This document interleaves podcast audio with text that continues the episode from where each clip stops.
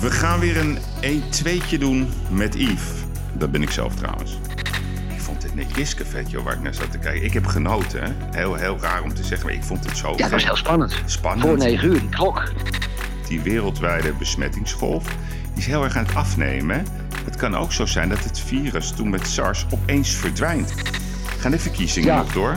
7, 15, 16, 17 maart. Ja, natuurlijk. Ja, natuurlijk. hè? Ga niet door. Welkom bij de Gigs. Ik heb het al eerder gezegd. We hebben een zaterdag. We hebben ook een zondag. Toen stonden we op het ijs. We hebben een maandag. Toen zou de avondklok eraf gaan. En we hebben ook een dinsdag. Toen werd er een nieuwe wet in elkaar gevogeld. En woensdag is gewoon gehaktdag. En donderdag won Ajax. Maar er is maar één vrijdag. En dat is de vrijdag van de Gigs. Ik ga nu bellen met mijn vriend Erik de Vlieger.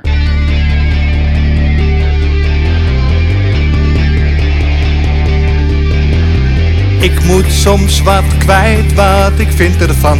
Littekens en jeuk, die koester ik maar dan.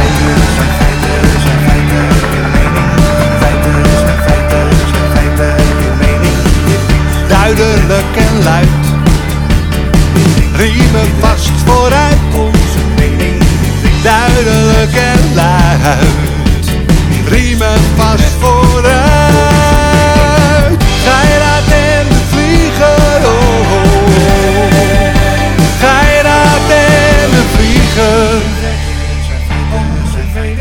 Ik moet soms wat kwijt. Mijn mening. Meer dan 80 jaar ervaring.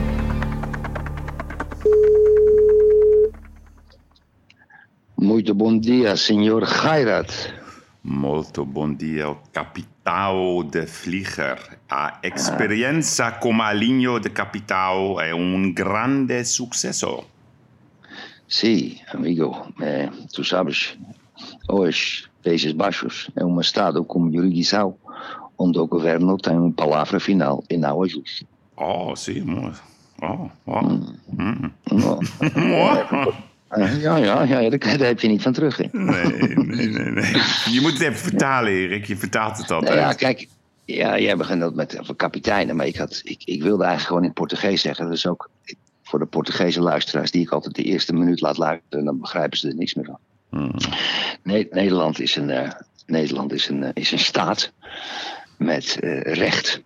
En waar de regering het laatste woord heeft en niet meer de rechter. Dat hebben we deze week kunnen zien. Ik neem aan dat we er ook over gaan praten. Ja. Senior kapitaal. Zie, daar gaan we zeker over praten. Maar voordat we dat gaan doen, Erik. So- sorry dat ik eh, vanochtend om eh, kwart over zes niet meteen opnam. Want ik stond namelijk onder de douche. En ik was maar aan het scheren. En daar heb ik een hekel aan. Daar heb ik tijd voor nodig. Dus sorry daarvoor. Ja, oké, oké, oké. Ja, ja, ja, ik, ik, ik heb ook wel sorry voor jou. Kijk, de dooi is ingevallen. Na verleden week. Sorry dat de dooi is ingevallen. Echt, echt sorry hoor. Sorry. Ja, oké. Eh, Erik, sorry dat ik niet altijd om je grappen lach. Weet je, soms zijn ze goed, maar soms dan ben ik gefocust op iets anders. So- sorry, Erik. Dat snap ik. Maar ja, dan kan ik ook wel even sorry zeggen dat mijn grappen niet altijd goed zijn. Hè? Soms heb ik ook wel een beetje domme grappen. Ja, oké. Maar, maar sorry ook, Erik, want ik zat erover na te denken vanochtend. Moet ik nou gaan stemmen op je zoon? Maar sorry dat ik nog niet kan zeggen op wie ik ga stemmen, Erik. Sorry. Ja, kijk Yves, eh, dat, dat, dat, dat accepteer ik. Maar er zit nog een andere sorry bij ook. Kijk, sorry überhaupt dat mijn zoon met de verkiezingen meedoet. Hmm. Dat jij die druk voelt daarvoor. Sorry, sorry echt, echt sorry Yves. Oké. Weet je ook, Erik, sorry, want ik, ik zat er eh, gisteravond over te denken. Ik noem jou vrouw, hè, en die noem ik af en toe de notaris. Maar ze heet gewoon Theresa. So- sorry, Erik, dat ik er soms de notaris noem. Dat vind ik niet heel persoonlijk. Sorry. Ja, oké, dankjewel. Sorry, sorry, sorry. Nou, goed, goed, goed. Oké, ja, dat, dat toch nog maar even. Dat is elke uitzending. Ik raak sorry voor die kut Rabobank. Yves. Die kut Rabobank. Sorry, echt. Wat ze weer geflikt hebben deze week. Sorry. Ja, maar dan hoef je geen sorry. Het is gewoon een kut Rabobank. Hey, en, en, Erik, ja, en Erik, sorry ook dat ik de vlieger van Hazes mooier vind dan jouw eigen zangkwaliteit. Eh, Sorry, sorry, Nou ga je te ver. Sorry. Nou ga je te ver. So- sorry, sorry is het nieuwe normaal. Sorry, sorry, sorry dat ik zo boos was. Ja, ja. ja het is een sorry-cultuur. Ik, weet waar we- ik weet waar je op doelt. Ja, Sorry voor de toeslagenaffaire. Sorry dat we niet Sorry voor, voor- de coronacritici. Sorry voor de avondklok. Sorry, sorry, Ja. sorry. Sorry, Sorry voor de vaccinaties in zo'n bedroevend tempo. Alles, alles is sorry. Ze gaan op het console staan. En ze zeggen, Nederlands volk, sorry dat jullie op me gestemd hebben. En sorry dat ik dat niet gedaan heb of wel gedaan heb. Alles is sorry en er gebeurt niks. En sorry dat de modelleringsgegevens van het RIVM niet kloppen. Het kan vriezen en het kan dooien. Sorry. Sorry. Hey, Erik. Sorry, Nou ja, to be. Ja. It's sad, so, so sad. Why can't we talk it over? Oh, it seems to me sorry seems to be the hardest word. Hey Erik, je hebt een Ja? tweetje geschreven aan, ehm, of een eh, voicemail ingesproken voor Mark Rutte. Ja. Ja, Ja. want we hebben een brief geplaatst. Zullen we even luisteren naar jouw eh, voicemail voor, voor Mark? En dan gaan we daarna even over de brief hebben. Hartstikke idee. Hi Mark, dit is Erik de Vlieger. Je weet wel, van de podcast met Yves Geirat. Het 1-2'tje met Yves. Afgelopen zaterdag hebben Yves en ik een brief gepubliceerd. Een brief aan jou Mark, in het Parool. En we hebben nog geen reactie gehad. Terwijl we toch allemaal prachtige oplossingen aangedragen hebben. Hm, gelukkig heeft Klaas Dijkhoff het wel gelezen, want die heeft gereageerd. Nu jij nog, Mark. En oh ja, ik weet dat je een beetje eenzaam bent, maar er komt een dag dat je weer naar Londen kan reizen. En dan kan je piep weer zien. Dag Mark. Dat was een, eh, een brief die wel eh, is aangekomen. Hè? Zullen we even uitleggen voor wie het niet gevolgd heeft, wat we gedaan hebben? Ja, Yves, doe dat. Doe Doe dat, want er zijn twee grote politici die, die, hebben, ja, die hebben geacteerd naar aanleiding van onze brief. Daar ben ik heel trots op. Hmm. Maar eventjes, eh, want dan, kijk, als jij nou even die brief uitlegt, dan pak ik even, want ik, ik, ik, ik ben heel vroeg opgestaan, dus ik neem even een, een Nee, dat heerlijk... doe ik niet, Yves. Oh, want ik neem even een, zo'n chocolaatje van Balconi uit Italië. Heerlijk. Lekker man. Het straks ook Lekker. over... Wat drink, Wat? drink je erbij? Een espresso, eh, van Nespresso, van zo'n Oh, cupje. oké. En dan eh, Roma neem ik altijd. Roma Ja, met ja. eh, beetje magere melk. Wel met magere, Magere melk. Van de Albert Waarom Heijn. doe je dat? Waarom Ja. doe je dat? Omdat je dan... Ja, anders Is dat voor je lijn? Ja, voor de lijn, ja. Oké, oké, oké. Nou ja, prima. Ik heb nog een paar flesjes Heineken bier hier. Want ik zit buiten flesjes Heineken bier staan. Mhm. Die ik gisteren tijdens de wedstrijd heb opgedronken. Dat is me uitstekend bevallen. Heineken bier is heel lekker bier, Yves. Zit je nu ook nog aan, eh, aan de bier? Nee, is me te vroeg. Ik zit, eh, ik zit altijd... S ochtends neem ik altijd eerst een glas melk. Oké, goed. lekker. Ik ben gek op melk. Ik ben gek op melk. En Melk, niet magere melk. melk de witte motor. hey, Erik, nou, kijk, wat we gedaan Ja, hebben... ja, wij hebben, brief. ja. Ja. de brief.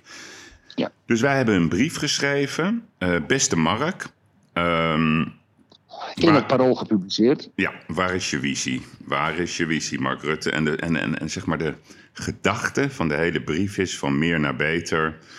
van groot naar aantrekkelijk...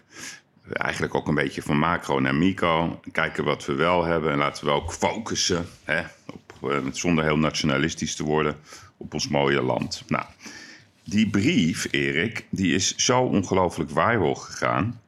Ik, alleen, Ja. ik had alleen al op mijn LinkedIn-profiel is die 16.000 keer ongeveer bekeken. Nou, op Twitter hadden we geloof ik meer dan 100.000 mensen die het bekeken hebben. Ja, 98 98.000 pages. Oké, 98, heel goed. Ja. ja. Maar wat grappig was, ehm, je ziet dus nu om de een of andere manier dat eh, allerlei verschillende politici.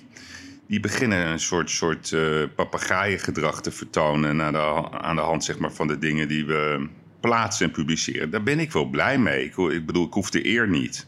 Maar het is wel opmerkelijk dat ze pas Ja, wakker meestal worden. van ik? Meestal merk van ik Sigrid Kaag. Ja, wat, wat, Die, wat, ze- die wat zegt, die twittert wil, ze? ja, die wil, een, nou, die, die, die, die, die wil een OMT 2.0. Mhm. Met een veel bredere samenstelling die de maatschappij eh, vertegenwoordigt. Dat is precies wat wij gezegd hebben. Ja. ja, eh, dat, ja, precies. En, en Klaas Dijkhoff van de VVD zijn natuurlijk precies hetzelfde. Dan moeten we niet te veel capsones hebben.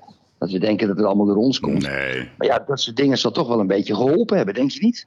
Ja, ja, nee, maar kijk, kijk, op zich is dat de bedoeling. Want ehm, kijk, die Dijkhoff die begint nu opeens te roepen... ja, belachelijk eh, hè, dat eh, grote Amerikaanse techbedrijven geen belasting Ja. betalen. Er worden namen genoemd, Amazon, ja, Google. Eh, Nou ja, maar ja, dan denk ik wel, ja, weet je, wa- wa- wanneer worden die gasten wakker, joh? Hebben ze daar... Ja, die ja. wordt pas wakker als, als, als, als 14 miljoen mensen het beginnen te roepen. Want ze hebben natuurlijk geen idee. Ze zitten in een hele kleine bubbel. En, en, en, en, en ze lezen de NRC, de Volkskrant, Parool en Trouw. En dan heb je het gehad. ja. Voor de rest niet. En dat is natuurlijk het grote gevaar van de, van de, van de ondiepte van, van een heleboel politici. Hè. Dat hadden we verleden week met Henkie, Henkie Nijboer. Hmm. En we hebben nu dus zeg maar, die stemmen gaan steeds meer op. Wij hebben dat in een, in een, in een, in een pagina groot eh, eh, brief aan Mark Rutte gedaan in het Parool. Doet ook niemand trouwens. Ja, en je ziet nu dat, ze, dat, dat het omarmt, ook omdat het logisch is, Yves. Ja, dat is het. Het is gewoon logisch. Het is gewoon ja. Ja. common sense. Gewoon, eh, gewoon op basis van je intuïtie, ervaring, gewoon weer naar de kern gaan. In plaats van dat continue gelul. We gaan het zo over Clubhouse hebben.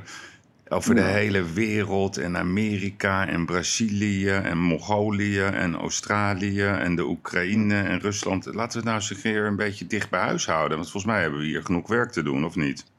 Godsamme.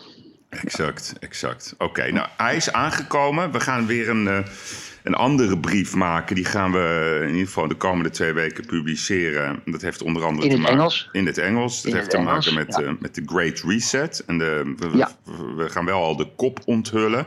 Put your money where your mouth is. Je mouth is. Ja. Oké, dus Ja, dat, daar gaan we, het, eh, gaan we het op het einde van eh, onze podcast nog even over hebben. Erik. Mag, ik- mag ik nog een. Mag ik nog, want ik moet ook altijd een soort zakelijk avontuur vertellen. Dat wil ik vrij vroeg in, in, in, in, in deze podcast vertellen. En de luisteraars en jij moet op een stoel zitten, wat je nu hoort. Ik kreeg een belletje. Mag dat, Yves? Ja, ja, het is- trouwens... Ja, ik krijg een eh, belling. Erik, het is, het is hier lekker weer, joh. Het is Portugal. Het is... Ga Ik ben, ik ben vrolijk. Het is 14 graden. Zondag wordt 18 graden. Het is Heerlijk, heerlijk. man. Heerlijk, heerlijk. Heerlijk, heerlijk. Ja, je komt volgende week lekker naar me toe, hè? Mag je helemaal niet zeggen.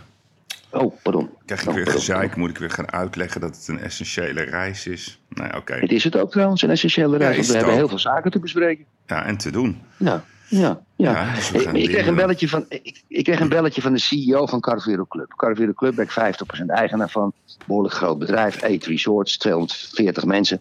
Het grootste gedeelte op de lay-off zitten. En er zijn, die belde mij op. En die is een vrouw. Ja, ik heb een, een vrouw als CEO. Weet je waarom? Omdat ze de beste is. Ja? Ja. Niet omdat het een vrouw is. Dus die vrouw die belt mij op. En die zegt tegen mij... Erik, ik heb zo raar telefoontje gehad van die en die bank. Daar hebben we niet een grote relatie mee. En ik zeg, wat dan? Zeg, ja, jij kent ze goed. Ik doe met mijn andere bedrijven wel zaken met ze. Ja, en die zeggen, wij kunnen, er is een overheidssteunpakket. Ja, dat, die, die, die, dat, die worden, dat wordt aangeboden door de Portugese overheid. Wel of niet met EU-geld, dat weet ik niet. En dan kan je tot 480.000 euro kan je lenen. Dan moet je een aanvraag doen.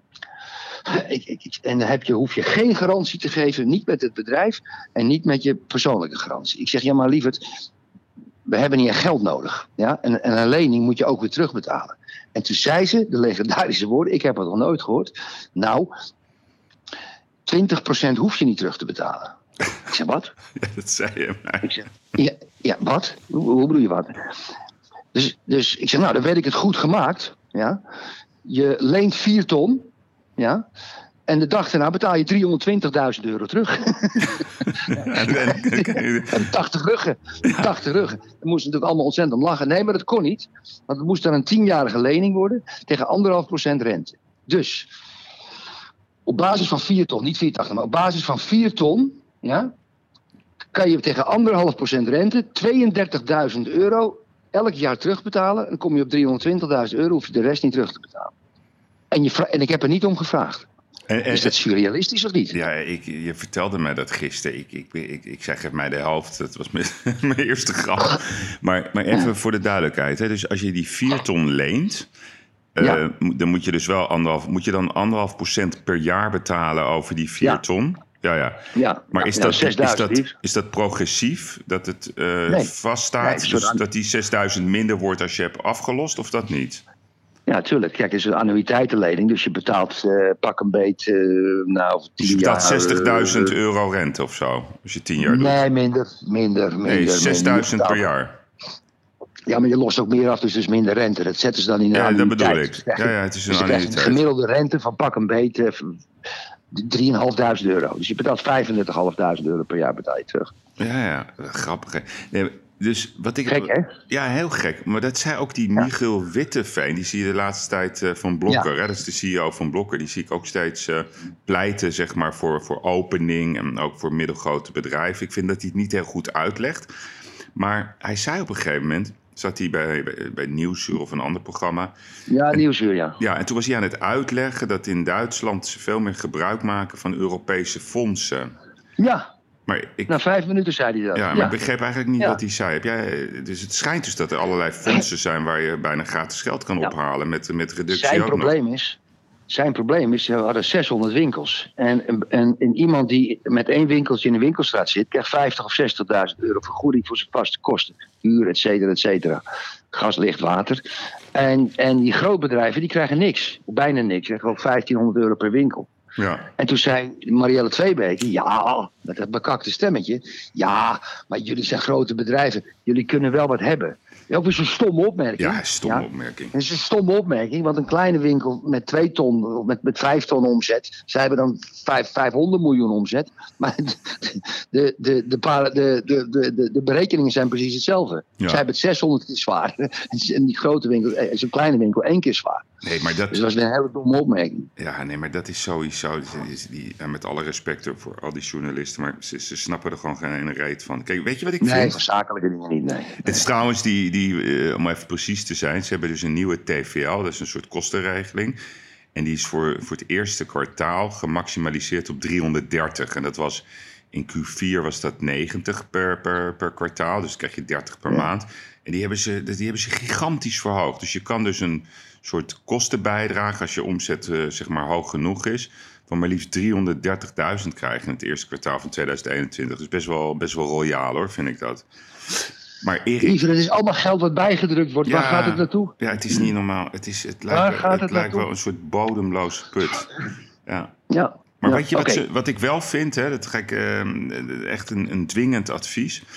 ehm, voor al die praatprogramma's, want er wordt eh, de afgelopen week steeds meer over gesproken, over de bepaalde onderwerpen. Ze moeten aan die tafel, naast die twee presentatoren, altijd een specialist erbij zetten. Een soort Jan Mulder-achtige rol eh, aanmeten.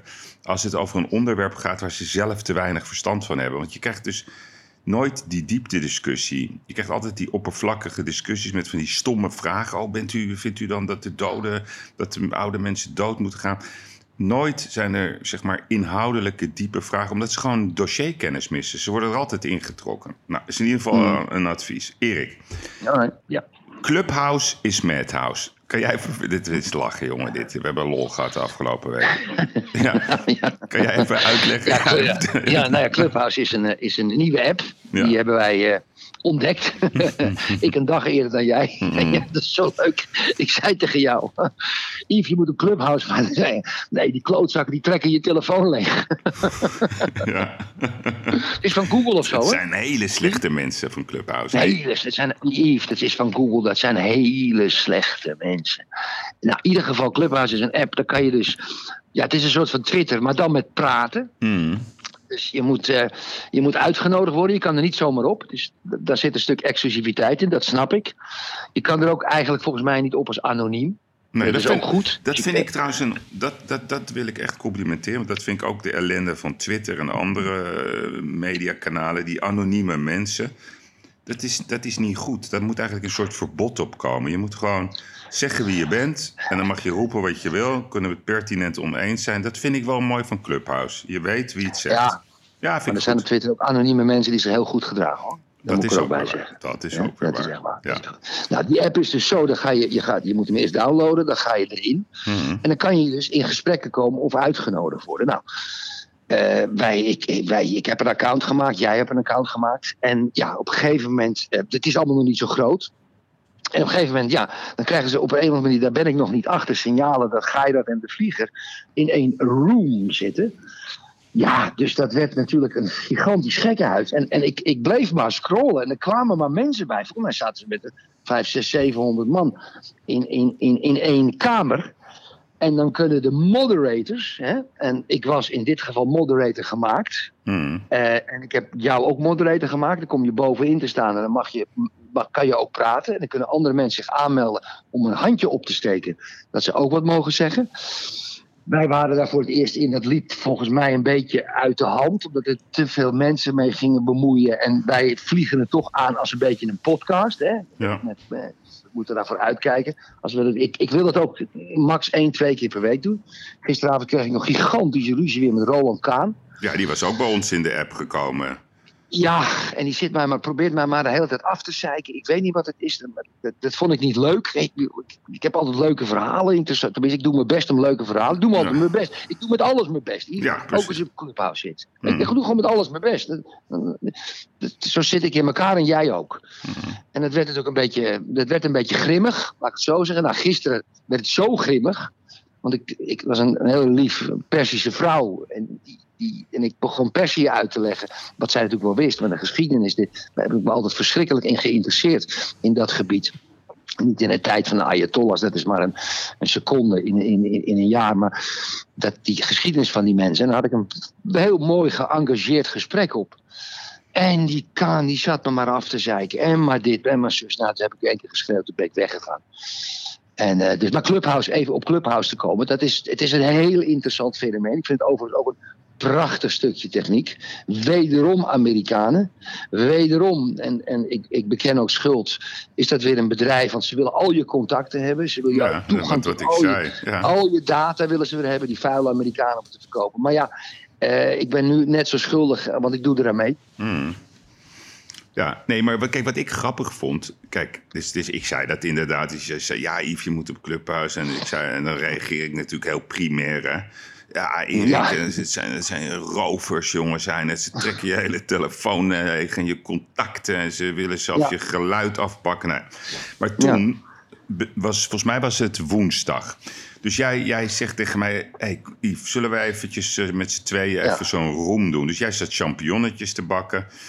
En ik, ja. ik pakte gewoon een, aardbeiensapje met een beetje gember erin. Ik zeg, nou, pak even een sigaretje. En ik zat echt, eh, ik begreep er eigenlijk heel eerlijk gezegd geen ene hol van.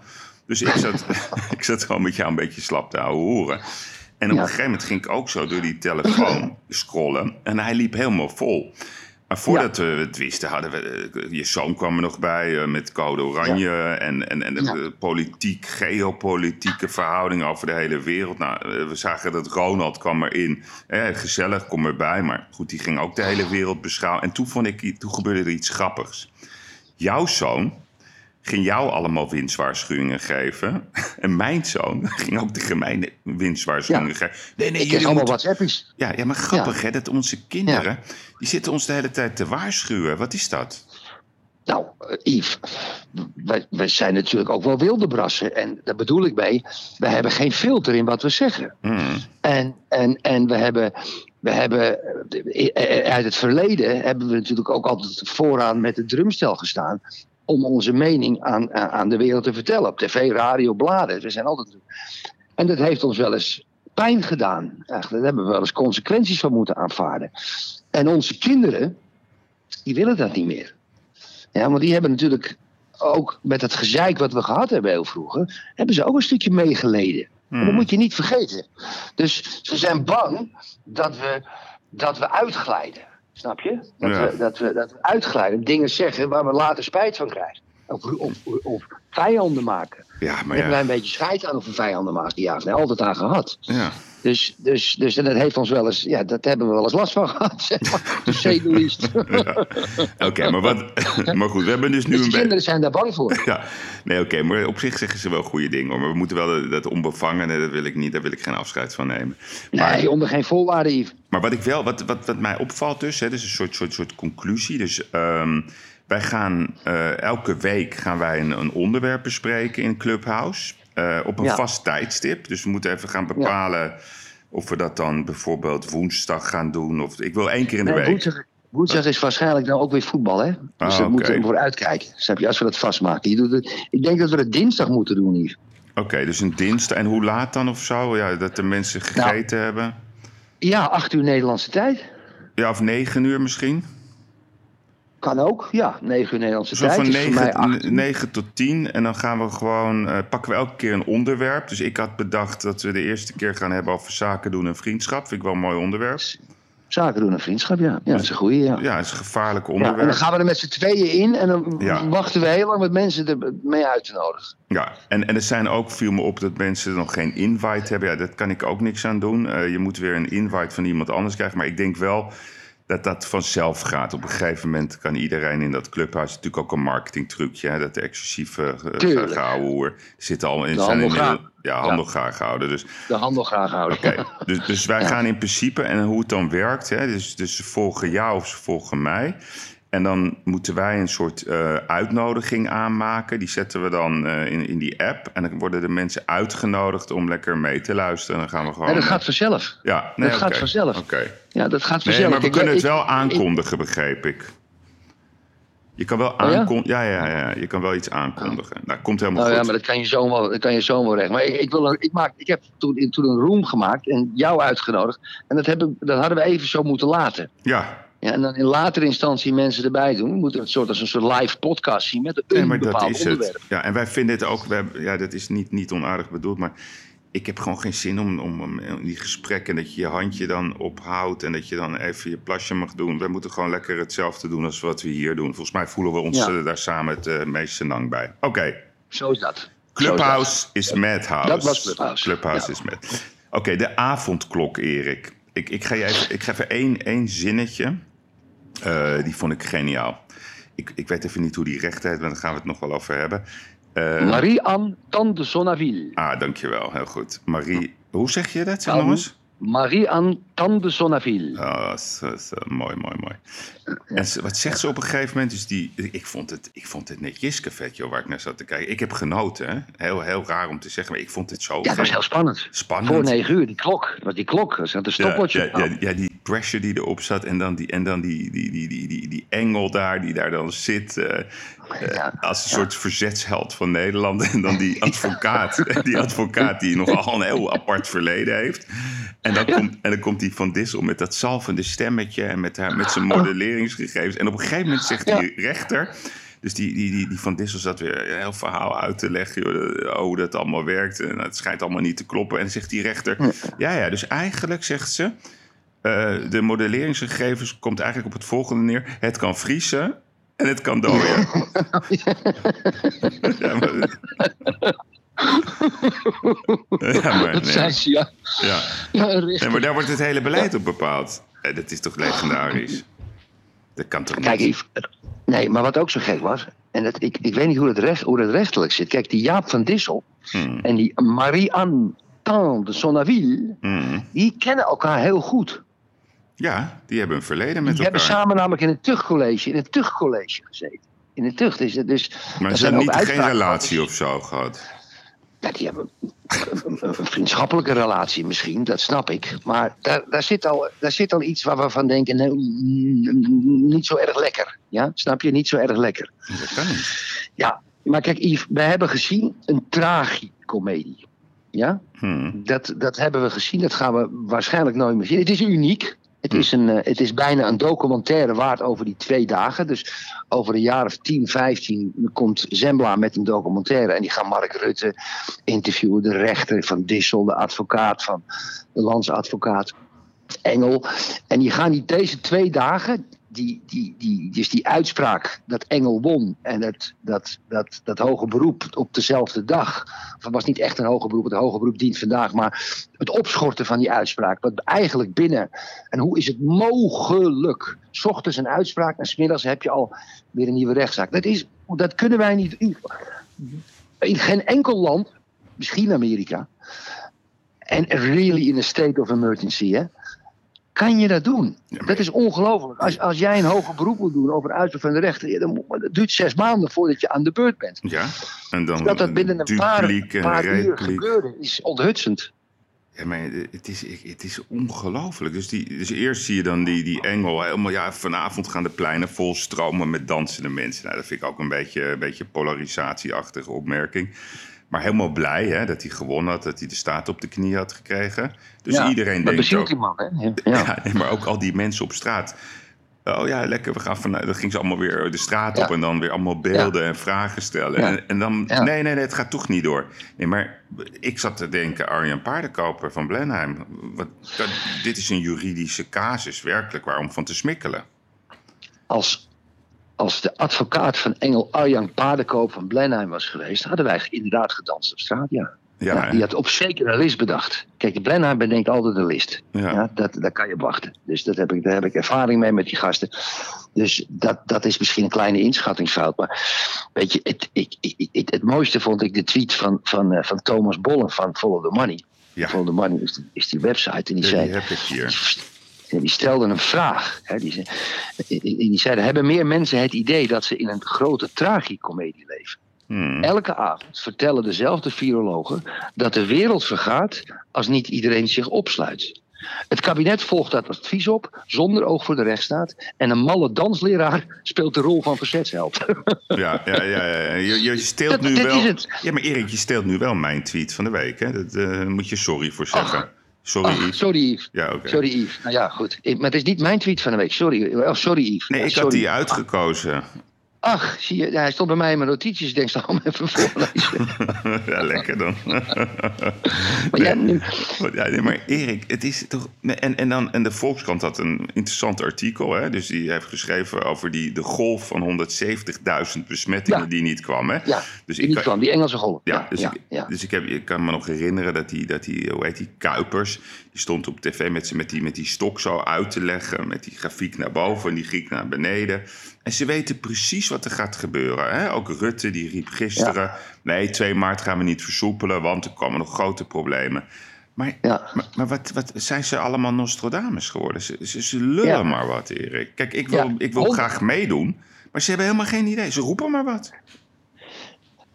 Het, artikel in de Volkskrant was ook een fascinerend stuk voor de luisteraars. Dus de, de, de, de, de overheid had gezegd: het zou zomaar kunnen zijn Ja, dat is ook een soort... dat we vanwege de Britse mutant 170.000 besmettingen krijgen per dag. Ja, maar die kwamen Ja. niet. Maar die kwamen niet. Maar daar is wel beleid op gemaakt. Ja, het blijft toch een moeilijke zaak, Yves. Het is echt... Wat eh, zou jij nou doen? Wat zou jij nou doen? Zou jij, zou jij, zou jij de boel opengooien? Ja. Kijk, ik heb gisteravond, Erik, heb ik ehm, een vriendin van mij geweld in Israël. Dus ik, ik, ik zeg, joh, ik hoor de hele tijd eh, van die fantastische verhalen. Maar hoe gaat het nu echt? Nou, en hoe het echt gaat is als volgt. Dus ze, ze, ze hebben dat, dat hele vaccinatieproces op een ongelofelijke manier georganiseerd. Echt ongelooflijk. Dus everywhere, 24-7, ook het weekend, het gaat maar door. Nou, en wat ze nu hebben gezegd, dat ze gaan eh, dit weekend al, gaan ze al behoorlijk versoepelen. En volgende week gaan ze nog meer versoepelen. En over twee weken kan de boel eigenlijk al open. Dus er is een enorme immuniteit eh, opgebouwd. Dat is één. Twee, er wordt heel goed gereageerd op het vaccin. Dus dat is op zich positief nieuws. En wat- Relatief weinig bijwerkingen bedoel je? ja, ja, maar ook... eh, Er zijn er wel wat hoor, Yves. ja, ja, oké, maar laten we de grote lijn. Hè? Want wat mensen dus doen Ja. iedere keer Ja. weer... dan gaan ze op zoek naar dat ene kind Ach, van 26... ach. of die ene man van 45... Ja. of die drie mensen op de IC. Zwarte voeten. Ja, ja, ja. Maar, je, moet het, we moet, je moet het hebben altijd, vind ik, over de grote lijnen. Nou, dus ik, Eens, dus eens, ik vroeg, ik vroeg aan, eh, aan haar, maar hoe, hoe werkt dat dan? Hè? Nou, dan heb je dus een appje. Kan je gewoon dat appje downloaden. En dan in dat appje heb, kan je gewoon het bewijs laten zien... dat als jij naar het theater wil... Als je, straks gaan de restaurants weer open, de winkels gaan open... kan je gewoon zien en laten tonen van... joh, ik ben gevaccineerd twee keer, dus dan is het allemaal prima in orde. Wat ze ook doen, en dat vind ik vrij essentieel... Er zijn natuurlijk nog steeds heel veel mensen die het niet willen. Nou, dat kan. Orthodoxe Joden. Orthodoxe Joden. ja, maar ook gewoon in Nederland en ook in andere landen. Er zijn genoeg mensen die heel kritisch zijn. Die noemen het gentherapie en dat mag. Ik heb daar geen mening over, omdat ik het gewoon te complex vind om dat te onderbouwen. Dus dat ga ik ook niet doen. Maar wat ik wel sympathiek vind, daar zeggen ze gewoon van... Nou, je kan overal naartoe als je gewoon bereid bent om je te laten testen met de juiste test. Nou, dan krijg je ook een bewijsje. En weet je wat daar de grap is? Daar heb je gewoon een leider, een soort militaire leider. En die zegt dus gewoon, ja, zo doen we het, punt. Er is geen discussie. Er wordt gewoon een beleid uitgevoerd. Ja, en over een paar weken is het gewoon open daar. En dan hebben we nog steeds, moet ik denken aan die ene vrouw van het OMT... die zei van, ja, nee, die Israëli's die hebben meer betaald. We- ja, maar dan, Het stomme wijf. ja, echt het stomme wijf, jongen. Want wat Stomme dan wijf. die presentator moet zeggen, wij betalen meer. Ik bedoel, pak even je rekenmachine, Erik, om, om te zien wat dit kost aan ons land. Iedere dag aan extra subsidies en andere toestanden en aan leed en aan mentaal leed. Dus ja, als jij aan mij vraagt, wat zou jij doen? Ik vind eh, vaccinatie is de oplossing. Dat is de sleutel. Dat is de enige waar je op moet focussen. Punt. Ik heb wel één reservering, Yves. Ja, Dus er zijn natuurlijk ehm, virussen die gemuteerd zijn. Hè? Het coronavirus in een andere variant. Goed, daar lees je ook de meest gekke dingen over. Maar Ik, ik, ik, ik hoop niet dat het vaccin alleen voor, voor één bepaalde variant geldt. Dus dat, dat, we, dat, we, dat er een virus, dat er een Britse virus met een weet ik veel wat voor virus gaat muteren. En dat ze dan zeggen, ja, maar het vaccin is daar niet tegen opgewassen. Daar maak ik me wel een beetje zorgen over. Nee, maar je, dan, dan ga ik jou toch een winstwaarschuwing geven. Kijk, jij trapt, graag. Ja, ja, maar je trapt in die val Ik maak van... me er alleen zorgen over. Nee, ik heb geen. Ik, het is geen feit. Nee, Feiten zijn feiten. Meningen zijn meningen, Yves. ja, nee, dat klopt. Maar kijk, Erik. Ik heb gehoord ehm, dat er een, eh, een, een mutant is van het Britse virus, hè, die er is. Maar er is van die ene mutant is er nog een mutant. En, dat, en die mutant is gemuteerd. En nou hoorde Mhm. ik van een vriend van mij in Londen dat die mutant, die dan gemuteerd is, die is gefuseerd met een Noord-Ierse variant, die ook gemuteerd is. En die mutant, Ja. Die is weer gefuseerd met een Wales variant. En die is ook gemuseerd. En nu hebben ze dat weer laten fuseren. Heb jij dat ook het gehoord, in, ja, het begon allemaal in Schotland. Nee, maar, nee, maar als je het gewoon... Ik, ik bel af en toe met mensen die er verstand van hebben. Die zeggen, Yves, elk virus muteert. Altijd. Mhm. En wat ook nog kan, hè, is dat... Want wat je ziet is nu dat die wereldwijde besmettingsgolf... die is heel erg aan het afnemen. Het kan ook zo zijn dat het virus toen met SARS opeens verdwijnt, hè? Gewoon weg. Ja, Maar als je ja, vraagt, en, en als je vraagt aan normaal, gewoon mensen in het ziekenhuis en zo, en ik ben er heel vaak geweest, en ik heb ze zeggen dat blijft altijd. En ik ga jou iets vertellen, dat vond ik de meest legendarische uitspraak afgelopen week.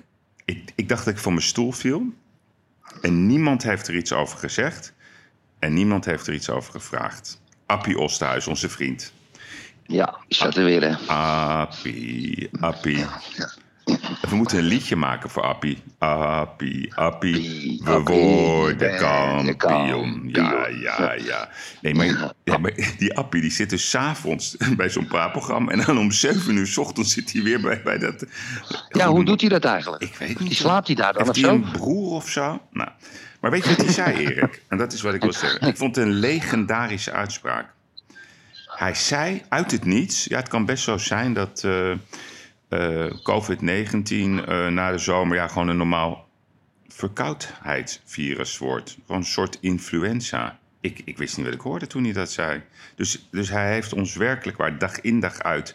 de stuip op het lijf ge- gejaagd. Stuipen op het lijf. Stuip op ja. het. En opeens uit het niets, ik denk dus dat kijk, het is een hele moeilijke materie. Het is heel makkelijk om te zeggen dat wij het allemaal weten. Wij weten het ook niet, laten we er eerlijk over zijn.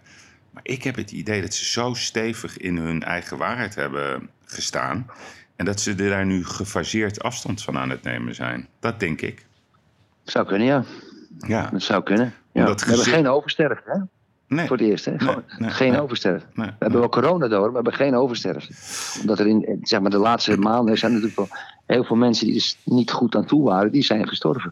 Maar die waren anders nu gestorven. Oké, we parkeren hem. Hij Ja. komt, eh, hij komt eh, toch elke week terug, deze. Dus eh zometeen ook nog ja, ja. in, onze, in ons pingpongen. hey, Erik. Ja, maar denk jij, dat er, denk jij dat er nog meer juridische acties tegen de overheid gaan? Ja, ja, ja, dus wat ik heb gehoord, heb ik vorige week ook verteld. Er is een hele grote juridische actie in voorbereiding vanuit primair horeca.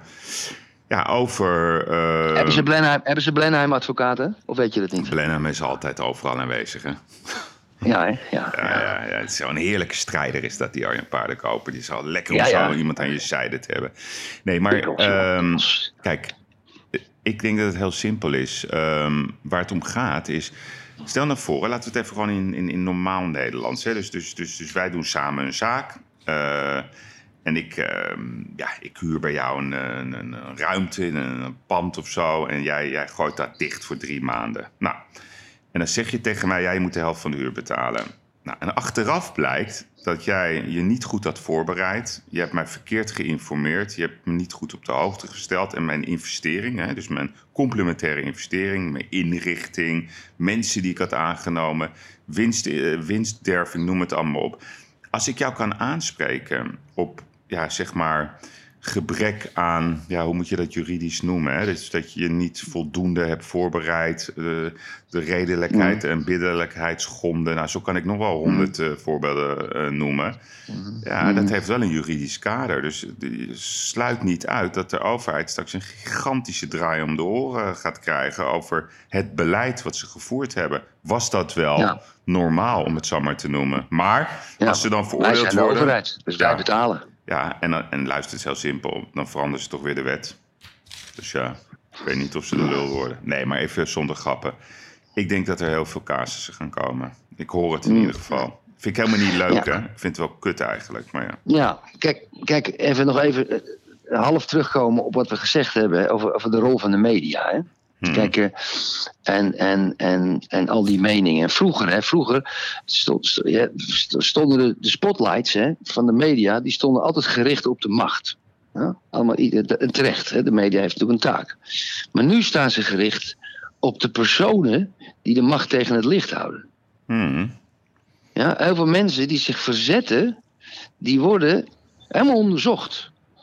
Ook politici, Baudets, eh, Graus en Wilders en weet ik veel wat. Willem Engel, is een, een hele riedel van Maurice de Hond. Hmm. Ja, die, dat zijn mensen die eh, een andere, iets anders zeggen Nee, maar, tegen de beslissing in van de overheid. En de media, ja, die blijven niet zich op die macht focussen wat ze zouden moeten doen. Nee, die focussen zich op de tegenstander. Altijd. Het lijkt wel of de, de macht heeft de media opgekocht. ja, maar wacht en heel even. weinig mensen zien dat, Yves. Ja, nee, maar, dat, maar kijk, dan gaan we even een beetje geschiedenisles geven. Dan ga ik even met jou naar het eh, gemeenteraadsdebat in 2002 tussen Fortuyn en Melkert. Dus Fortuyn Ja. die was in opkomst eh, en die werd ook geframed. Hè? Dus dat, doe, dat wordt altijd gedaan door de Ja. ja, zeg maar institutionele kracht, om het zo maar te noemen. En, NRC Nieuwsuur, eh, Ja. Volkskrant. ja, ja, dus dat is nooit veranderd. Hè? We zijn nu 18 jaar, 19 jaar, 20 jaar verder. En toen was dat ook zo. Hè? Dat, dat beruchte gemeenteraadsdebat, wat werd geleid door Paul Witteman. En je zag Melkert, hè, dat vind ik dan toch establishment. Die keek. Fortuyn niet eens aan. Alleen Fortuyn, de sterke man, slim. Die, die vond het heerlijk om vast te buiten. Typische pitboek-mentaliteit die hij was wel in staat, die had wel de kwaliteit om er doorheen te hakken. Dus ik vind ook, ja, het is denk ik iets wat altijd gebeurt, dat de macht Mhm. altijd nieuwe denkers aanpakt en, en. Maar je hebt zelf ook een beetje verantwoordelijkheid. Want Fortuyn heeft toen wel laten zien dat hij wel dat kan breken als je met goede argumenten komt. Dan kan je wel Mhm. bijten en vastpakken. Ja, het is niet helemaal eerlijk, maar je kan wel Hij, is winnen. vandaag, hij, is, hij is vandaag jarig, wist je dat? Ja? Pim Fortuyn. Ja, hij is 73 geworden. Wauw, dat wist ik Vandaag. niet. Ja, ja, Wat goed van jou. ja. Ja, Nou, ja 73 had hij geweest. Ik hoop dat hij meeluistert, Pim. Oude ruis. Misschien dat Volkert meeluistert. Ja, raar hè, daar horen we nooit meer wat van, hè, van die Volkert. Nee, nee, nee. Nee, daar horen we nooit meer van. Kijk, en daarom is het zo, ah, de- de- wij moeten, hè, kijk, ik ga je vertellen, het einde van de uitzending ga jij vertellen wat we precies gaan doen met de kapiteinenlijn en de Hmm. contributies die we vragen, lidmaatschappen die we vragen. Kijk, als we die budgetten hebben, dan moeten we gewoon iemand inhuren. En die moet gewoon drie maanden kijk, achter Volkert, Volkert van de G aanlopen. Hmm, Kijken wat hij doet. hmm, Ik wil wel eens weten wat, ik wil eens weten wat die gozer doet en wie hem betaalt. Ja, Ja, want die jongen moet toch ook eten? Ik wil wel eens weten hoe, hoe dat allemaal geregeld Krijgt hij een uitkering? Hoe, hoe zit dat? ja. Oké, Erik, het Ik interview word opeens van... boos. Ja, dat begrijp ik. Dat wil ik niet. We moeten lachen hebben, we moeten lol hebben. Het leven is mooi, man. we gaan, ook, eh, we gaan ook een beetje lol hebben Ja. zo, we gaan straks Ja, pingpong. het Maar even mooi. het interview van eh, Jort Kelder en, en Mark Rutte. Jij hebt hem niet gehoord, hè, volgens mij, op Ik Radio heb het niet 1. geluisterd. Nee. Nee. ik heb het niet beluisterd. Nou, ik wel. Vertel, Yves. Ja, dus ik, ik, ben, ik heb er even de tijd voor genomen. Het was, was wel nieuwsgierig, moet ik eerlijk zeggen. Ehm, het is natuurlijk bekend Dat ze een vriendschappelijke band hebben met elkaar. Prima. Eh, Mark heeft zelfs gezegd die keertje bij hem op ter Schelling heeft geslapen. Nou, allemaal prima. Ehm, dus ik dacht, nou, dit kan in de basis een heel spannend gesprek worden. Waarom? Eh, omdat Jort wel degelijk, hè, dat heeft hij ook wel eens tegen mij gezegd, best wel kritisch is op Rutte. eh, vindt ook dat hij te vaak in de angstmodus staat. En, en waar, weet je waar ik naar heb zitten luisteren? Kijk, ik vond het heel raar. Ik, ik, ik, ik, vond het heel goed en ik vond het heel slecht. Wat, wat, wat, wat vind ik leuk? Ehm, het is best leuk om naar die, naar die mannen te luisteren. Maar weet je wat het was? Het was een soort gesprek over de geschiedenis. Wie de meeste geschiedeniskennis had. Eh, het ging over eh, Van Oldenbarneveld. Het ging over Johan de Wit. Eh, een van de grootste staatsmannen vond Rutte dat. 1672 werd erbij gehaald. Nou, dus ik zat te luisteren een ongelofelijke aardige en lieve geschiedenisleraar. Dus ik heb, ik heb bij Rutte echt altijd het gevoel... wil ik ook echt wel zeggen... Ik vind het een hele aardige man. Eh, hij, hij verwoordt zich eh, goed. Ik zou niet in zijn schoenen willen staan, laten we daar eerlijk over zijn. Het is hartstikke moeilijk wat hij allemaal moet doen. Maar dan denk ik dat Jort... En Jort ging op een gegeven moment ook gewoon zeggen... ja, nee, ik ga niet al die moeilijke vragen stellen... want dan weet ik toch al wat je gaat zeggen. Ja, dan heb je de, dat is toch geen. Ja, nee, maar dat is. Ja, ja oké. Dus ik zeg tegen jou, Erik, ja, ik, ik ga jou ga vandaag geen vraag stellen. Ja, dus laten we het maar, eh laten we het gesprek maar beëindigen. Ja, het, het, het, het was bizar. En het enige wat dan het nieuws haalde, dat was zeg maar de categorie sorry, dat hij zei, ja, sorry. Dat Ja, we te weinig geluisterd hebben naar coronacritici. Dan denk ik, ja, een beetje laat, eh, grote vriend. Ja, ja. Maar ja. ik begreep het Ja. niet. Ik begreep niet waarom dat niet een heel spannend gesprek werd. Het is, het is Nee, nooit ik vind Rutte niet aardig hoor. Ik vind Rutte niet aardig hoor, dat wil ik je even. Mm, Ik vind hem niet aardig. Met die, die dingen die er allemaal gebeurd zijn, toeslagenaffaire, dat liegen, ja. dat beloven en niet nakomen. Weet je, hij probeert, het, is, het is het huis van Teflon. En ik, ik heb er altijd een beetje moeite mee, mensen die van Teflon ja, nee, maar ik moet je ook zeggen, dat is ik, hou wel... van, ik hou van wat rauwere mensen. Ja, nee, ik ook. Eerlijker. Maar het is wel mijn zwakte hoor. Ik, ik kan, weet je, ik kan smelten. Als, Ja, ja. als iemand die echt, eh, waar ik zo tien punten van kan noemen, waar ik echt heel boos over ben. En als hij dan toch weer zijn, zijn lieve kant laat zien. En dan denk ik, ah, is toch wel een aardige. Het is een zwakte van mij. Ja. ja. Nou ja, dan trap je in dezelfde val waar, eh, waar, waar, waarom, waarom die mensen Rutte zo hoog in de peiling hebben gezet. Ja, maar ik, ik kan dus niet op de een of andere manier kan ik niet blijvend boos eh, op iemand blijven. Dat is heel raar. Dat- Ik kan heel Nee, dat hoeft ook niet. woedend zijn. Maar, en, op een gegeven moment, ja, ik weet niet. Dan, dan, dan, dan, maar er is mij te veel gelogen, Yves. Er is mij te veel gelogen Ja, om hem aardig te vinden, snap je? wat Ik bedoel? Oké, nou, dat was Ja, het. maar het gesprek, dus het gesprek, Yves, als ik het goed begrijp, Hmm. was gewoon een niemandalletje. Niemandalletje. Een, een 100% Niemandalletje. niemandalletje. Ging helemaal nergens over. Ja. Ja, ja, ja. Ja, en het is, en, en, en ja, en er is heel weinig over gezegd, hè, zeker. Ja, Ik heb er verder weinig over gelezen. gemiste kans. Grote gemiste kans. Het was eigenlijk Ja. een, eh, een wedstrijdje geschiedeniskennis. Wie, wie heeft de meeste kennis van de geschiedenis? Nou, allebei. Allebei. Ja, maar luister, wij zijn, wij zijn, wij zijn diepe vrienden. Hmm. Ja, we zijn van kennis naar zaken, naar, naar vriendschap. Af en toe spreken zijn we toch de laatste jaren een diepe vriendschap gegaan. Stel je voor dat ik minister-president ben. En jij gaat me interviewen. Dan zou je mezelf nog niet vlak interviewen. Zou je me ook gewoon lekker aan de kant voelen, Yves. Maar ik ga je Zelfs enkels afzagen. En op een gegeven Ja, wat moment... dacht je? Maar echt? Wat dacht je? Je weet Nou, hoe wij praten met elkaar. Ja, wat dacht je? Ja. Dus, en, het, en, en als ik die toestemming zou geven. Om, als ik aan jou zou vragen, Yves wil je me interviewen, maar je moet je, je moet je houden aan een bepaald protocol. Dan zeg je, Erik, flikker lekker op. Ja, Zou je gelijk zeggen, dat weet ik zeker. 100 procent. Ja. Je bedoel, je zag het zelfs in die clubhouse. Toen kwam je zoon erin. En dat kwam Ja. met een soort eh, politiek manifest. En Ja. toen zei ik, ja, kappen Ja. hiermee, daar heb ik geen zin in. Ja. We gaan, eh, we gaan, Geen eh, geen zin. Nee, nee, tuurlijk. Ja, heel raar is Heb je, dat. helemaal, heb je helemaal gelijk. En dus wat ik, wat, nou, op, opvolgend wat ik daarop wil zeggen is. dat. dat Jort Kelder. en we vinden Jort allebei een aardige gast. Hmm. maar hij is wel een beetje een hoer. hij is wel een beetje een hoer. Snap je? Een, een hoer. Een hoer. Ja, een hoer. Ja. Ja. Ja, want hij laat zijn oren wel hangen. Hè? Voor misschien een beetje centjes doen, eh, goed erop komen tussen. Of zijn vriendje een plezier doen, dat kan ook.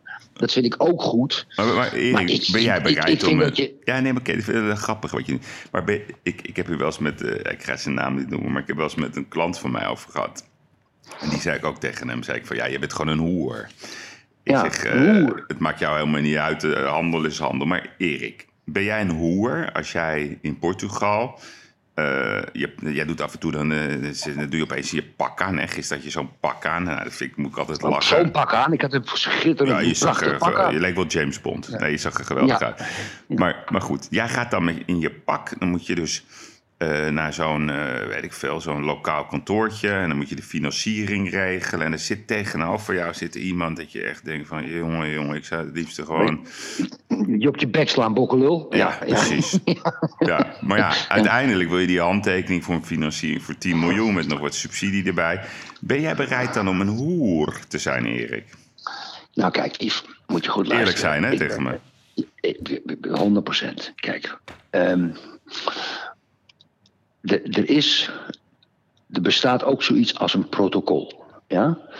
En een protocol, kijk, vroeger kwam ik natuurlijk in mijn trainingspakje altijd op die, eh, op die dure recepties in het Amstel Hotel, waar al die banken en die bankiers stonden. Maar dat was ook weer mijn protocol, want dat was eigenlijk een act. Hmm. Ja?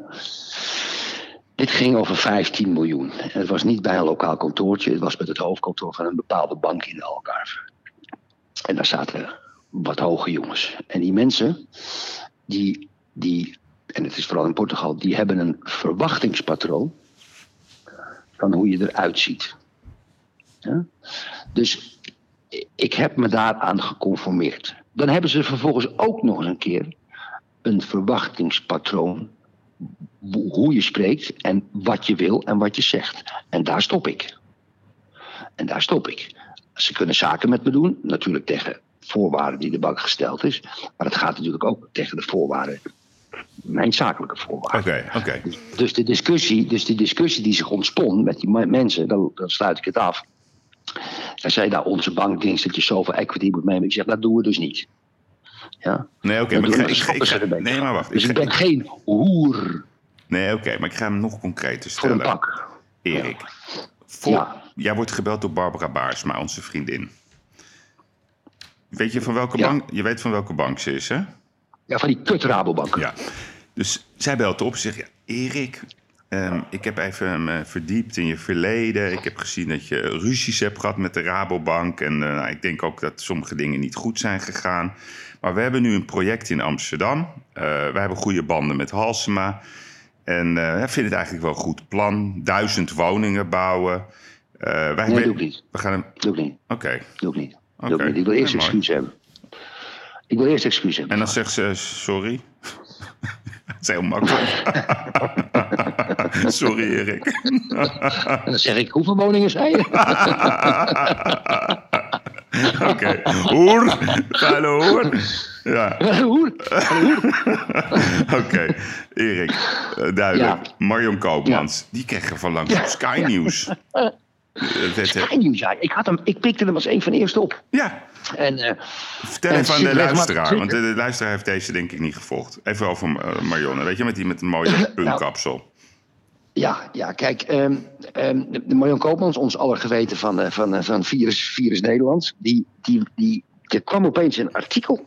En een, of een tv-uitzending van Sky News. Rupert Murdo- Murdoch. En, die, en, die, en, en daar waarin zij, waarin ze bewezen achten, achten, dubbel T, dat mensen, zo, eh, dat een, een groep van mensen, die hebben belangen met de Chinese overheid en een laboratorium. En een van die mensen was de Dutch Marion Koopmans. Ja. Ja? Dat vond ik een keiharde beschuldiging. Zo. En het is een keiharde beschuldiging. En, en kijk, en dan krijg je, net, net als Thierry Baudet, hè? Thierry Baudet, dat is een heel mooi voorbeeld wat je nu gaat geven. Dat kwam, dat, dat, kwam dat, dat, dat, hij, dat hij dat allemaal gezegd had. Ja? En toen ging hij vooruit verdedigen. Ja. Toen zei hij, toen, hè, toen zei hij, ging hij voor de camera staan en zei hij, ja, dus ze proberen me weer te pakken, ze proberen weer dit, zus. En ik ben helemaal geen homofoob, maar ik wel, mijn zus. De Marion Koopmans deed hetzelfde. En die schreef het volgende, dames en heren en lieve Yves, op Twitter Hmm. op 14 februari 1544. Oké, komma. Nieuwe complottheorie. Alright.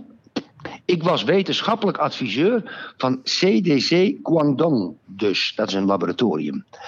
Werk voor de Chinese, Chinese overheid. Oh, en ook voor Europa trouwens. Oh, en ook voor Amerika trouwens. Dat was haar manier van, van ontkennen en het weerleggen van de beschuldiging. Vond ik hele aparte tweet. Ja. Dat- dat- dat- Bijna alsof op zich gesnapt was. Weet je wat, ik, ik noem dat altijd een antwoord op een niet gestelde vraag.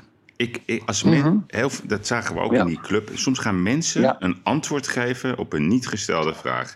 En dat is Ja. in 9 van de 10 gevallen is dat een verdedigingsmechanisme, omdat je eigenlijk betrapt bent.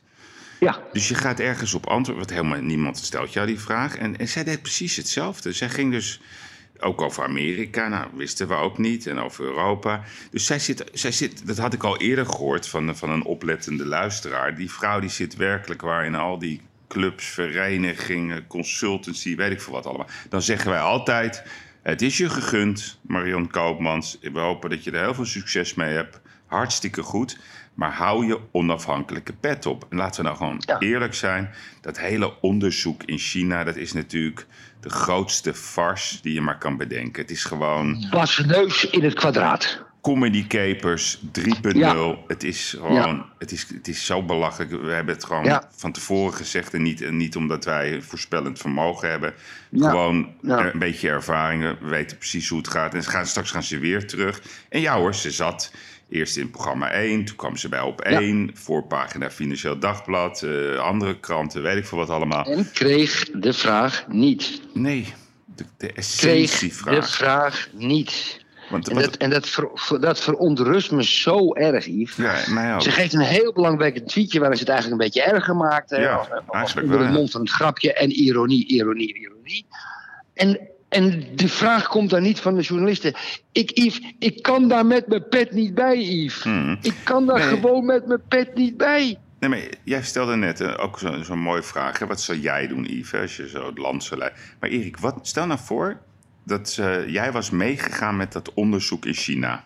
En jij in die bus. Wat had jij gedaan? Na een dag.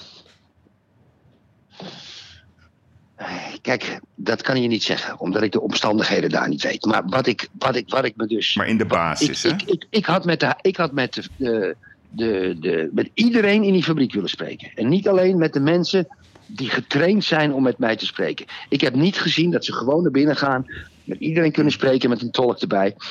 Vanaf de schoonmaker, die weet misschien ook wat, weet jij veel? Ja. De mensen die s'avonds schoonmaken. Je, je moet met iedereen praten. Maar ze hebben, zijn natuurlijk, die Chinese overheid, natuurlijk alles prachtig gekaderd in twee lijn, in muurtjes gemetseld. Waar ze doorheen kunnen lopen. Het is natuurlijk een wassen neus. En ik, ik zeg niet dat ze schuldig zijn, die Chinezen. Ik denk het wel trouwens. Ja, maar ze hebben, ze kunnen, je kan in China nooit onderzoek plegen. Dat gaat niet. Gaat niet. Door een paar Europeanen. Dat is allemaal gelul, dat is wassen neus. Ja, klopt. Maar goed. Oké. Ja, Dit is een mening, hè? Dit is een mening, hè? Dus geen feit. is een mening. Dat wat geen mening is, is natuurlijk Sigrid Kaag. Ja, ik weet niet of je dat gevolgd hebt. Ja. Die, heeft een, wet- die heeft een huis, een huis in, in Zwitserland. Twee, twee, twee. Twee, ja. Die heeft ze verhuurd. Ja. Nee, nee, nee, in, in, in, in, Ramallah in Jeruzalem heeft ze verhuurd. Oh, Ramallah en in. Jeruzalem. Ja. Ja, wat is dat allemaal? Ja, dit moet dan zo'n zo'n verklaring aandelen in Nucor, UBS, Yuku, Dat is een serial entrepreneur. Ik ga je vertellen, die, die, die, is die is gewoon miljonair en die wil minister-president worden voor de hobby. Wat, wat is dat allemaal, Yves? Nee, die zit daar in dat Great Reset, weet je wel? De Great Reset Ja. en alle bezittingen moeten. Zullen wij even. Ik denk dat we een, een leuke voicemail hebben voor, voor, voor, voor Sigrid. Lieve Sigrid, ik ga hem even eh, gewoon uit mijn hoofd spontaan zeggen. Lieve Sigrid, we volgen je. Wat ben je toch een ontzettende leuke vrouw. Wat zeg je toch altijd lieve dingen. En we hebben ook gezien dat jij in Davos aanwezig was, samen met Klaus Schwab. En dan hebben jullie het over dat de mensen hun bezittingen moeten inleveren. En dat de wereld moet anders. En het moet allemaal anders worden. Nou, lieve Sigrid. Erik. nee, nee, nee, die moet je corrigeren. Nee, nee, Oh, sorry, ja. Sorry, sorry.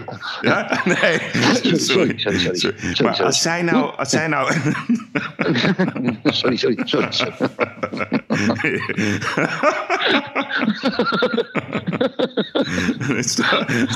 Oh, Ik moet serieus. Nee, maar Sigrid, zij vindt dat iedereen de bezitting moet innemen. Als zij nou even, als, gewoon even het goede voorbeeld geeft en al haar huizen in Zwitserland, Ramallah, Jeruzalem en haar aandelen in Nucor, UBS, Yuku, Site Olive Oil, als ze die nou gewoon inlevert, dat vind ik Ja. mooi. Ja, Dan ja, gooien wij ook wat in de pot. Nee, dan gooien wij ook wat in de pot. Yves, luister 100%. goed, luister goed. The Great Reset, waar wij onze betaalde aflevering voor gemaakt hebben. En het is, de eerste aflevering was prima. Twee en drie zijn topper de top. Te Ja, echt mensen die moeten het echt aanschaffen. Ik ben bereid, ik ben bereid om al mijn bezittingen ja, allemaal in te leveren. Bedrijven, huis, auto's, alles, alles, alles naar een centrale overheid. Indien, indien Microsoft, Apple, Bill Gates, George Soros, Klaus Schwab, Sigrid Kaag, Mark de Zuckerberg. Rabobank, de kut Rabobank, ING, eh, Unilever. Al die bedrijven die zich aangesloten hebben bij de Great Reset. Als die nou ook allemaal hun bezittingen, Mark Zuckerberg, ja, allemaal hun bezitting inleveren, doe ik het ook. Put your money where your mouth is. Yeah, mooi hè? Oké, maar laten we beginnen bij de, dat groepje van 10. Volgens mij is het probleem dan al opgelost. Dat dat hebben we zoveel biljoen. BlackRock, BlackRock, die ook. vijf, 5000 miljard geïnvesteerd. Nou ja, mooi. We gaan het ze vragen. Maar je hebt nu de hele, de hele kern van de brief verraden. Nou ja, oké. We Ja. gaan het dan. Ik, ik ga het dan mooi verwoorden. Ik maak er wel een Ja. mooi verhaal van. hey, Erik, gaan de verkiezingen nog door? C 15, 16, 17 maart? Ja, natuurlijk. Ja, door, natuurlijk hè? gaat niet door. Tuurlijk. En op eh, tussen, tussen, tussen zeven voorspelling, dames en heren, tromgeroffel.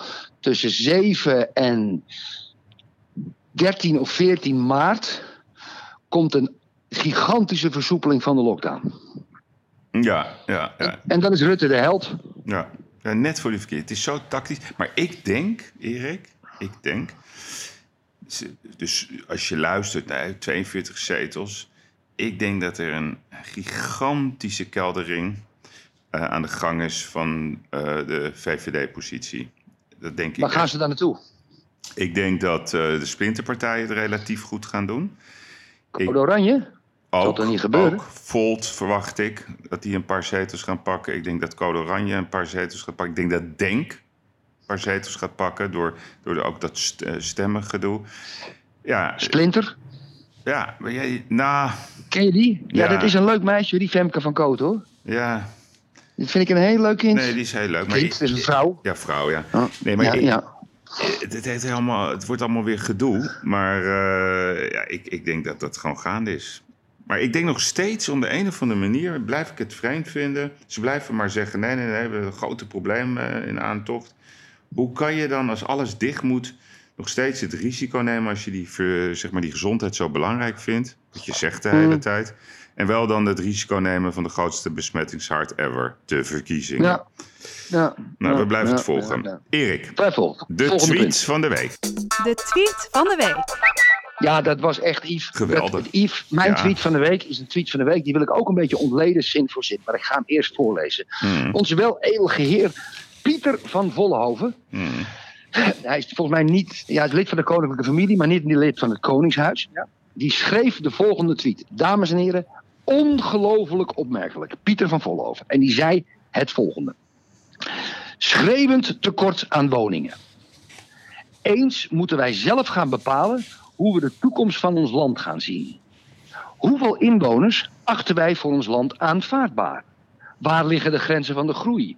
Welke toekomst staat ons eigenlijk voor ogen? Nou, schreeuwend tekort aan woningen, dat snap ik. Maar dan schrijft hij die zin: eens moeten wij zelf gaan bepalen hoe wij de toekomst van ons land gaan zien. Hij zegt dus: er is geen enkele visie van niemand in zijn ogen die een toekomst helder voor ons land ziet. Behalve dan schrijven we moeten een miljoen woningen erbij hebben. Dat snap ik ook nog wel.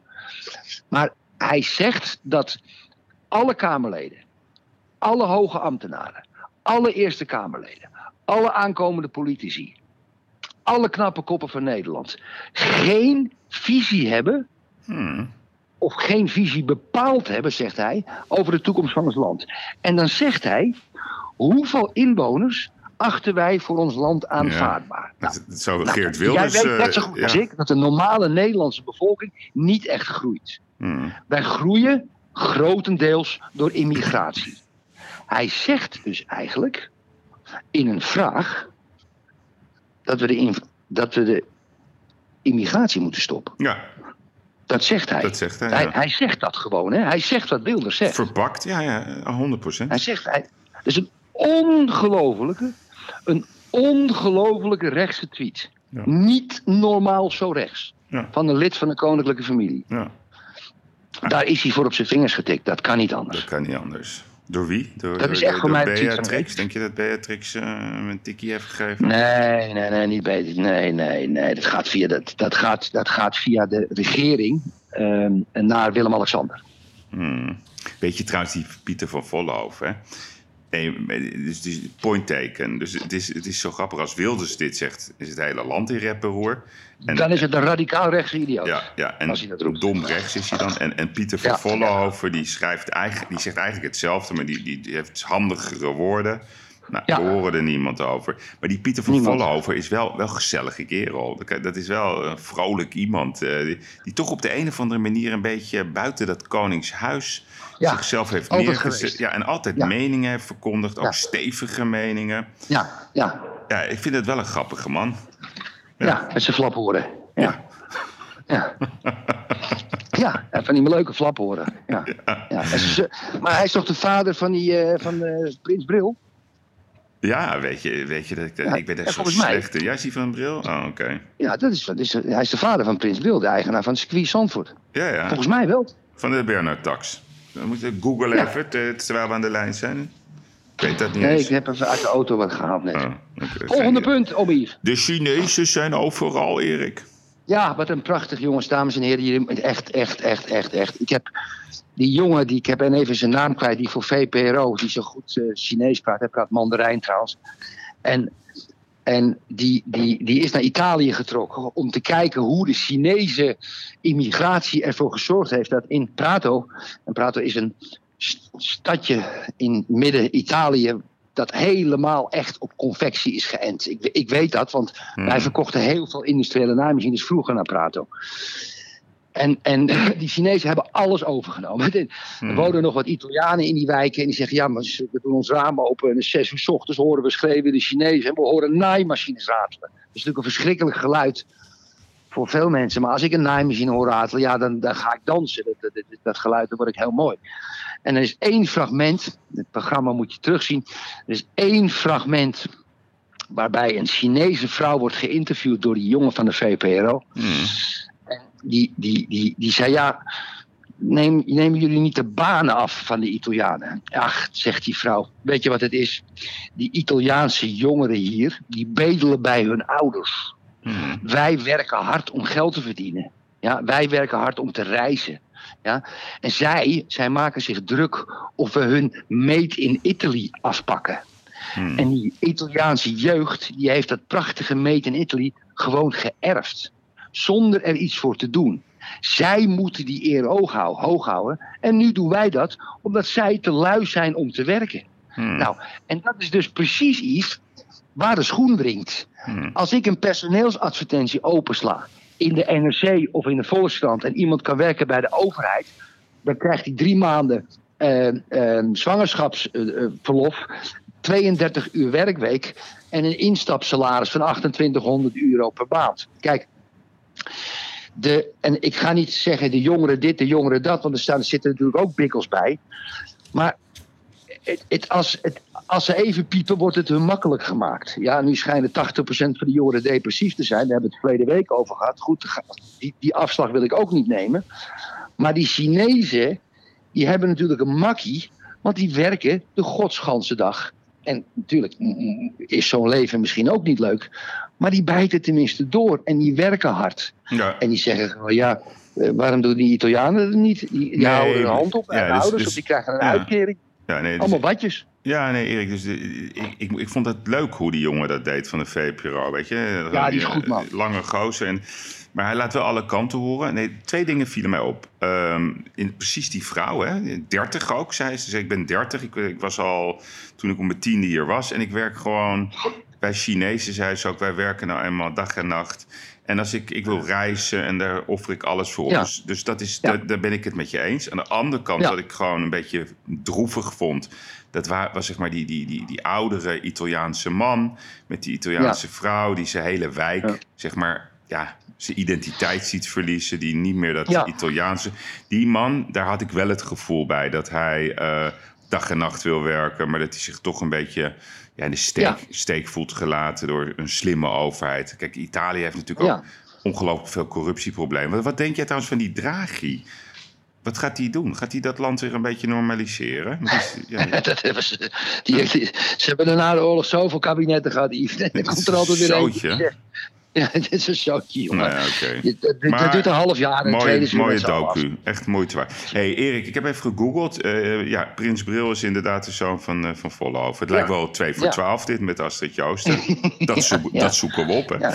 Oké. Dat is toch gek, want het lijken me toch twee verschillende karakters. Want Prins Bril lijkt me toch een behoorlijk meedogenloze gozer.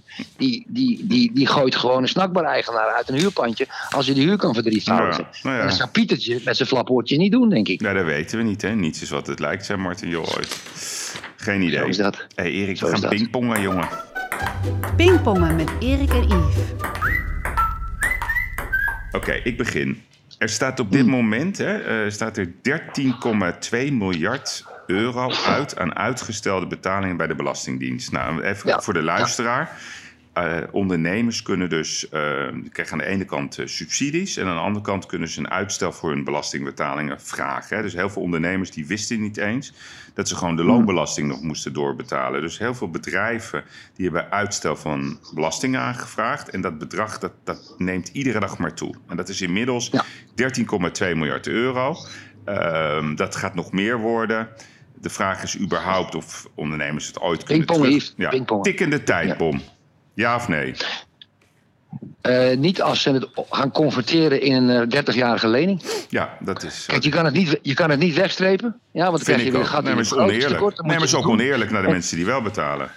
Maar je pakt hem tegen 1%, ja, en je zet hem weg. Ondernemers, je hebt 5 ton schuld, zeg je, betaal je in 30 jaar af. Ja, eens. Goed bent... zo. Yves, hoe vond, hoe vond je Ajax? Oh, Erik, ik heb genoten. De eerste 20, 25 minuten leek het een beetje op Ajax Atalanta. Hè. Die, die, die, die, Ja. Liel zat Ajax in slaap te sussen. Ja. Ja, en, en, Ja. En, en Ajax had totale grip op de wedstrijd. Ik vond Martinez fantastisch. Fenomenaal. Ik vond Alvarez erg goed. Ik vond Blind Ja. goed. Ik vond ehm, ja. die, die Timber, dat is toch wel knap hoor. Die jongens pas Ja, ik 18. had Alvarez wel gewisseld hoor, na die gele kaart. Ja, nee, die speelde natuurlijk op het randje. Maar kijk, dat, Ja. ik, ik hou wel van dat grinta, hè? dat, dat, dat, dat, dat, dat, dat, dat Zuid-Amerikaanse gif in je team. Hè? Gisteren hadden we er vijf. Hè? Martinez, Tagliafico, Alvarez. Neres en Anthony. Ja, Ja. En, en ik vond het knap. Hè? Laten we even, want dan krijg je vaak... Oh, nee, Lille stelt niks voor. Lille staat eerste. Boven Paris Saint-Germain. boven Paris. Boven ja. Lyon. En eh, Paris Saint-Germain heeft Barcelona weggetikt met 1-4. Dus ja, en het Ja. zat mee. Hè? Die penalty die had je ook niet kunnen geven. Het zat een keertje mee. Dus je moet ook een beetje geluk hebben. Maar ik ben onder de indruk. En, en, en Wat een heb- selectie hebben ze nog. ja, moet je komt Dus er nog bij, jongens. Ze hebben een selectie, man. Gravenberg. Ja, jongen. En die Bobby. Ja, ja. Oh, wat, dat, wat, dat is de nieuwe spits van Oranje. Wat is dat? Jammer dat hij weggaat, hè? Ja, maar Ja. Ik, ik, ik zag een heel grappig interview met, ehm, met Ten Hag. Eh, en, die, en, die, en die interview bleef maar doorvragen aan Ten Hag. Eh, hè, laat je hem toch spelen? Ja, ja, ja. En hij, en, en, en, en hij kwam niet echt uit zijn woorden. En hij zei zelfs het woord minimaal. Dat hij dit seizoen minimaal nog mee blijft doen. Met andere woorden, gaan ze misschien toch nog een tweede poging nemen. Het is beter voor die jongen, denk ik. En Geef hem Ajax, 10 miljoen tekengeld, Yves. ah, het is zo'n mooi speler. Maar goed, dus ja, ik heb Geef hem geno 10 miljoen, genoten van hem 10 Ajax. miljoen, geef hem 10 miljoen tekengeld, Yves. En een Hm. mooi salaris. Oké. Oké, goed.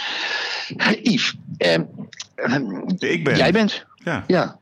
Ja, dus daar hadden we het in het begin al over. Maar ik ga hem toch nog even benoemen, want hij tweet het. Dijkhoff roept nu opeens dat Amazon, Google en consorten belasting in Nederland moeten betalen.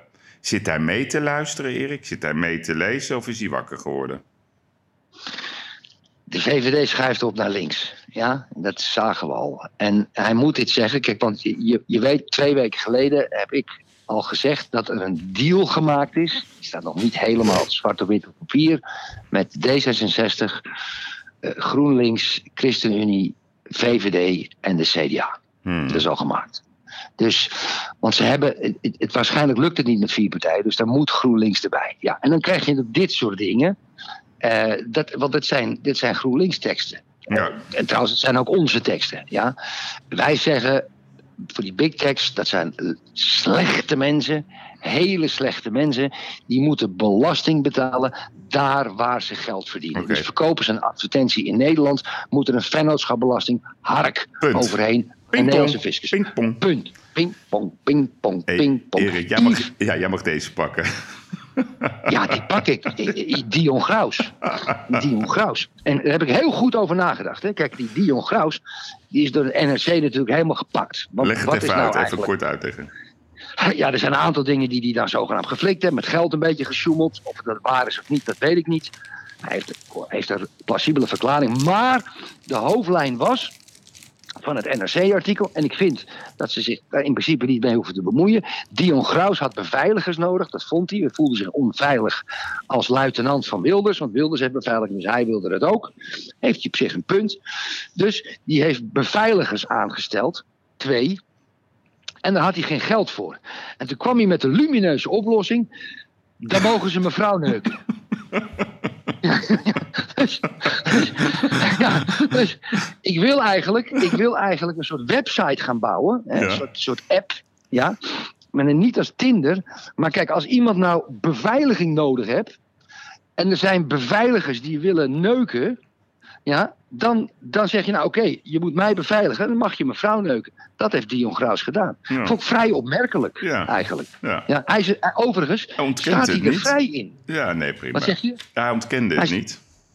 Nee, nee, hij staat daar, hij staat daar gewoon Ja. ik, ja, ik ja, vond het een half verstoord. En toen viel me ook nog het volgende op. Eh, Die Stella Bergsma, die staat opeens op Twitter. Ja. Ehm, ja, ik, ik ken haar niet echt, hè, maar zij zat, zat wel eens in die praatprogramma's en zo. En ze zegt, Erik, Ja. eh, ik doe alles tegen betaling, maar het enige dat ik zonder betaling doe is neuken. ja, wat het is geen hoer. Nee, wat zijn het voor, wat is dit voor, wat zijn het voor teksten, joh? Ja, er was een discussie. Kijk, Stella is, die zit op Twitter onder Einstein Barbie. Ik mag Stella wel hoor. Ik mag Stella Ja, wel. Stella is, ik ken het niet. ja, Stella, is, Stella komt uit, een beetje eigenlijk uit het gooi. En die gaat zich dan Amsterdams gedragen. Die is verhuisd naar Amsterdam. Dat is allemaal prima. Trouwens, een hele goede zangeres. Op YouTube kan je een paar hele goede. Pe- Patty Cash. Moet, je, moeten jullie maar eens googlen. YouTube, Patty Cash, Einstein Barbie. Prachtig, prachtig lied. Mooie, mooie video ook. En Stella die, die heeft zich natuurlijk aangepast. Die wil ook meedraaien met, met, met, met die grachtengordel. Hè. Die wil, dan komt ze wel af en toe op televisie, wil eruit door. Af en toe interview, HP de Tijd op Vrij Nederland. Daar zit ze in. Ja, en Stella heeft dan hele, die laat de tieten ook zien en een kont. En die is heel vrij daarin. Dat moet ze lekker zelf eten. Ik vind het prima. Ik vind het een prima meid. Maar ik vond het inderdaad een opmerkelijke tweet. Yves, die man, hè, kijk, ik, ik heb het een paar keer nu getwitterd. Dat is de, de baas van Pfizer in Nederland. Medisch directeur, hè? Ja, medisch directeur van Pfizer. En ehm, jij, hebt hem, jij hebt hem ontmoet bij Op1. Je hebt een interessant nagesprek gehad. Daar heb Een je ook voorgesprek. over verteld. Ja. Voorgesprek. En toen zat je met de Friday Movie. eh, Vrijdag, eh, met vrijdag, nee, vorige week, ja. ja, je blijft me maar corrigeren. Ja, ja, ja, maar je moet even volledig zijn, vriend. Ja. Nou, neem jij het dan over? Feiten zijn. Nee, maar ga door, ga door, ga door. Ja, nou, dus, dus, dus ik heb dat fragment, dat is uitgeknipt. En het fragment dat jij met die Pfizerman die vragen ging stellen, die die allemaal proberen te ontwijken. Wilfried Genees schrok een beetje van je, van je rustige, je, je is enorm rustig, je rustige hardheid. En ja, die, jij, jij fileerde die man zo erg. En wat mij het meeste opviel, dat, dat Wilfried Genees zei, ja, eh, je- hij moet in de verdediging. Dus, eh, en toen zei hij, ja, maar om je eerlijk de waarde te vertellen, is deze vraag nog nooit aan mij gesteld. Ja. En dat, dat was voor mij een unieke, een unieke eindconclusie van, van het interview wat jij van Gené gewoon overnam met die meneer van Pfizer, Yves. Dat vond ik uniek. Hm, ja. Nee, dank. Ja, nee, wat, wat ik, ik, ik, ik wil die, wou die man ook helemaal niet slopen of zo. Alleen, Nou. nou, dat is. eh, de- nee, nee, dat, eh, nee, nee. nee. maar Erik, Ja, sorry, sorry, sorry. sorry, sorry. Nee, maar wat, Sorry, wat natuurlijk, dus hij zegt dat. hè. Hij ging de hele tijd maar omheen draaien en, en, en, en, en het bal terug. Ik zeg, maar geef nou gewoon antwoord. En toen zei, ja, toen zei hij inderdaad, jij had nog nooit iemand die vraag aan mij gesteld. Toen zei ik ook van, nou, misschien heeft nog nooit iemand die vraag aan je durven stellen. Maar ik zei er ook nog bij, ik zeg, luister, het is niet zo dat jij daarvoor verantwoordelijk bent, maar ik zou het wel mooi vinden als je daar iets over zegt.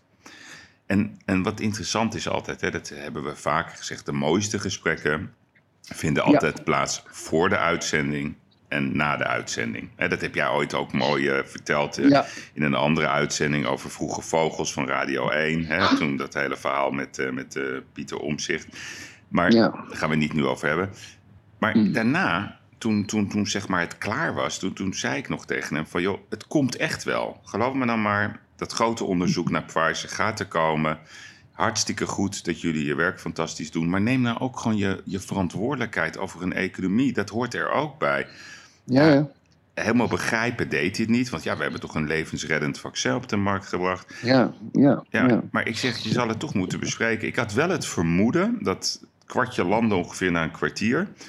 Dat dat wel een gesprek is daar intern. Van hé, hey, dat kan natuurlijk helemaal niet wat we doen met het parkeren van die licenties en, en al die patenten en al die gekke constructies. Ja. Nou, we gaan het zien. Oké, Ja, we gaan het zien. Zeg, ik wil mijn volgende punt laten vallen. ja. van Appie. En Ja. ik wil eventjes een, een kop van een artikel voorlezen eh, van FTM, wat recent is gepubliceerd. En die is geschreven door Mira Seys. Hmm. En er staat het volgende. Vleesgigant Tyson Foods wil de Europese markt verder veroveren en zijn vestiging in Nederland uitbreiden. In de Verenigde Staten is het al een van de grootste vleesproducenten en leverancier aan McDonald's en Burger King. Maar de gigant die kwam meerdere malen in opspraak wegens dierenmishandeling en mensenuitbuiting. Tyson behandelt zijn werknemers als machines. Daar komt de laatste zin. Wat voor bedrijf is dit waar de Rabobank miljarden in steekt? Kutbank. Miljarden steken ze erin. En Barbara Baarsma wordt CEO CO2-emissies of zoiets bij de Rabobank.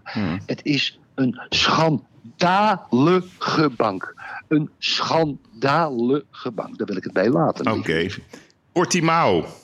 Portimao, Portimao, Porti- Portimao. Portimao. Portimao. Portimao. Kapitaal Erik de Vlieger. Ik heb weer mazzel. Want wat heeft de FIA besloten? Dat Portimao opgenomen is in de racekalender van de Formule 1. En Yves, ik wil dat je komt. Ja, ik kom zeker. Ja, Heerlijk gezellig. Ik denk ook dat we dan Ja. lekker eh, lol gaan maken. Ik hoop dat heel veel Ja. luisteraars, als ze. hè, misschien moeten we iets. eh, zelfs, misschien kunnen we nog een leuk eh, tripje gaan bedenken. Niet te duur ook. Gewoon dat we. En dat je zelfs niet het circuit op moet. Maar ik nou, daar, verheug me daar heb ik geen zin in. Dat is Oh. allemaal werk. Jij komt en als er mensen willen komen... en dan gaan wij met z'n tweeën, als ze er zijn... ook een lezing houden in een van onze resorts. Als Ja, training Een soort onze festival. Een soort leuk festival. Ja, Met leuk, Stella Bergsma. Net Stella. Ik ben er heel blij mee. Ik ben er echt heel Ja, blij mee. gefeliciteerd. Oké. Dankjewel. Oi, oi, oi. Yves, die bitcoin. Jij hebt het altijd over die bitcoin gehad. Dat die naar 30, 40, 50, 100.000, 1 miljoen gaat. Hij blijft maar knallen, Yves. Hoe Ja. komt dat? Ja, nee, dus ehm, ik heb gezegd vorig jaar al, ik denk hij gaat toch een beetje delen. Eh, toen stond hij volgens mij rond de 19. Ik zeg, hij gaat sowieso naar de 40 in 2021. Nou, hij staat nu al op 50. Ik heb toen ook gezegd, hij gaat uiteindelijk naar 250.000 euro. Je moet wel geduld hebben. Ja, en, en wat, wat het is, en wat is de reden? Want er wordt natuurlijk in de basis, wordt alles wat nieuw is altijd meteen afgeschoten. Johan Cruijff heeft er altijd een mooie zin over gehad. Die zegt altijd, als je iets nieuws begint, dan ben je gestoord. En als het goed uitpakt, ben je een genie. Nou, dat vind ik een zin die op een tegeltje past. Maar gebruik nou gewoon je hersenen. Het oude bankaire systeem is gewoon een failliet systeem. Punt. We, hebben, eh, we weten dat in Amerika, elke Amerikaan heeft 300.000 euro schuld bij zijn dood. In Nederland is dat 37.500 euro, of bij bij zijn geboorte, excuus. Dus dat geld bijdrukken, dat is natuurlijk een probleem. De dollar is, is een probleem. En ik denk dat dat nieuwe systemen aan de deur kloppen. En wat je nu ziet is, dat is ook weer jammer, hè, dat de grote eh, bankaire instituten, die stappen er massaal in. En er zit gewoon een schaarste op die bitcoin. Ze zeggen, en dat geloof ik ook dat het zo is, er worden maar 21 miljoen bitcoins uitgegeven. Nou, Er zijn nu 19 miljoen ongeveer uitgegeven. De market cap, hè, dus de totale waarde van de bitcoin, Erik, die is nu 1000 miljard as we speak. Nou, nou in, nou ja, in. ja, dus Nou, ja, ik ben het helemaal niet met je eens. ja, nou ja, ik ben ja, helemaal niet met je eens. je had gewoon mee moeten doen. Dus eh, Nee, ik ben het niet met je eens. Ik ben het niet met je eens. En, het is, en, het is ping, en, het, en we zitten in een pingpong, dus ik moet ik wil hem toch even verlengen. ja. Het is een smash die heel lang in de, in de lucht blijft hangen. Kijk, het, is, het probleem is niet dat we geld bijdrukken. Het probleem is dat we de inflatie niet toelaten. Nee, dat Kijk, want in alle omstandigheden had, had, had de rente met het geld bijdrukken al 25% geweest. Ja, Ja. Net zoals in 1989 was hij 18, 19%. Dus omdat, de, omdat, omdat ze wel geld bijdrukken, maar ze laten die, de marktwerking niet doen, dan heb je geen inflatie. En Ik- dat is de bom. Ik, kap hem af. Ik kap hem af. Je vroeg me over Ja? bitcoin. Ik ben Oh, enthousiast. En ik zou nog wat anders vertellen. Ik ga volgende week eh, naar een, eh, op bezoek bij een eh, vriend van mij. Eh hele slimme ondernemer. En die had ook gehoord over ons verhaal en onze wens om een bitcoin eh, te beginnen. En die heeft er al één. Dus ik ga eens goed naar hem luisteren. Misschien eh, hebben we de infrastructuur al. En dan... Ja, maar als wij een coin, als wij een coin beginnen, dan gaat iedereen, die wordt dan groter dan Ja, de bitcoin. Hoer. Je bent een hoer. Hoer! dan doe je het weer wel, hè? Hoer? Oké. Dat is een ander verhaal. Ja, oké, oké, oké. Je moet me... ehm, ik pak even van jou ehm, eh, de proefevenement in Utrecht. Even van mijn industrie. Ja. Dus die wil ik even, even, even zelf openen. Afgelopen maandag ook. ja, was er in Utrecht het eerste eh, proefevenement voor, voor zeg maar de, ja, de festivalindustrie, de beurzenmarkt, eh, de congressen, noem het allemaal op. Nou, testevenement met 500 man. En eh, met allemaal bubbels. Hè? Dus je kon naast elkaar zitten, met afstand zitten, de testen, met een app. Het was op alle zenders. En Andreas Vos van het OMT, dat was zeg maar de duider, woordvoerder van het hele circus. En eh, op het podium in Utrecht stond onze lieve Mona Keizer uit Volendam. Trouwens, Erik, sorry dat ik even iets tussendoor... zo- We hebben natuurlijk die, die, die, die hele community geopend. Hè? Weet je dat wij ongelooflijk veel luisteraars hebben in Volendam? Dat vind ik leuk, want ik ben gek op Volendammers. Dat is mijn favoriete... Dat komt, ja, ik ben... dat komt door de, dat komt door de haringboer op de Albert Kuipmarkt, het Zijstraatje. Die luisteren allemaal heel trouw. ja, die vertelt het aan onze dorpsgenoten. Ja, maar ook de groenteboer, eh, die, die- Ja, waar, ja. waar ik altijd komt, komt uit Volendam. Jaapie de Groot, hè, die zit daar altijd mooi lekker naar het water te kijken. Nee, Ik maar ben ik- gek op Volendammers. Ik ben gek op Volendammer, als, Volendammers. je, als je een bouwklus hebt, Bikkels. bikkels. Bikkels, zijn allemaal bikkels. nuchter, jongen. Ja, ik vind Volendam... Bikkels, werken. Lang leven werken, Volendam. werken. Huppakee. Lang leven Volendam. Maar goed. Volendam voor president. Maar even het verhaal afmaken. Dus je hebt dat proefevenement ehm, in, ehm, in, eh, in Utrecht. Nou, en dan wordt dat helemaal uitgelegd. En toen heb ik wat gasten gebeld waar ik van wist dat die er waren. Dus ik zeg, hoe vonden jullie het? Ja, geweldig Yves, geweldig. En energie en we zagen weer mensen. En toen zei ik, jongens, jullie trappen in de val. Hoe bedoel je? Ik zei, nou, dat ga ik jullie uitleggen. Want ik ben namelijk niet enthousiast. Punt 1, zei ik.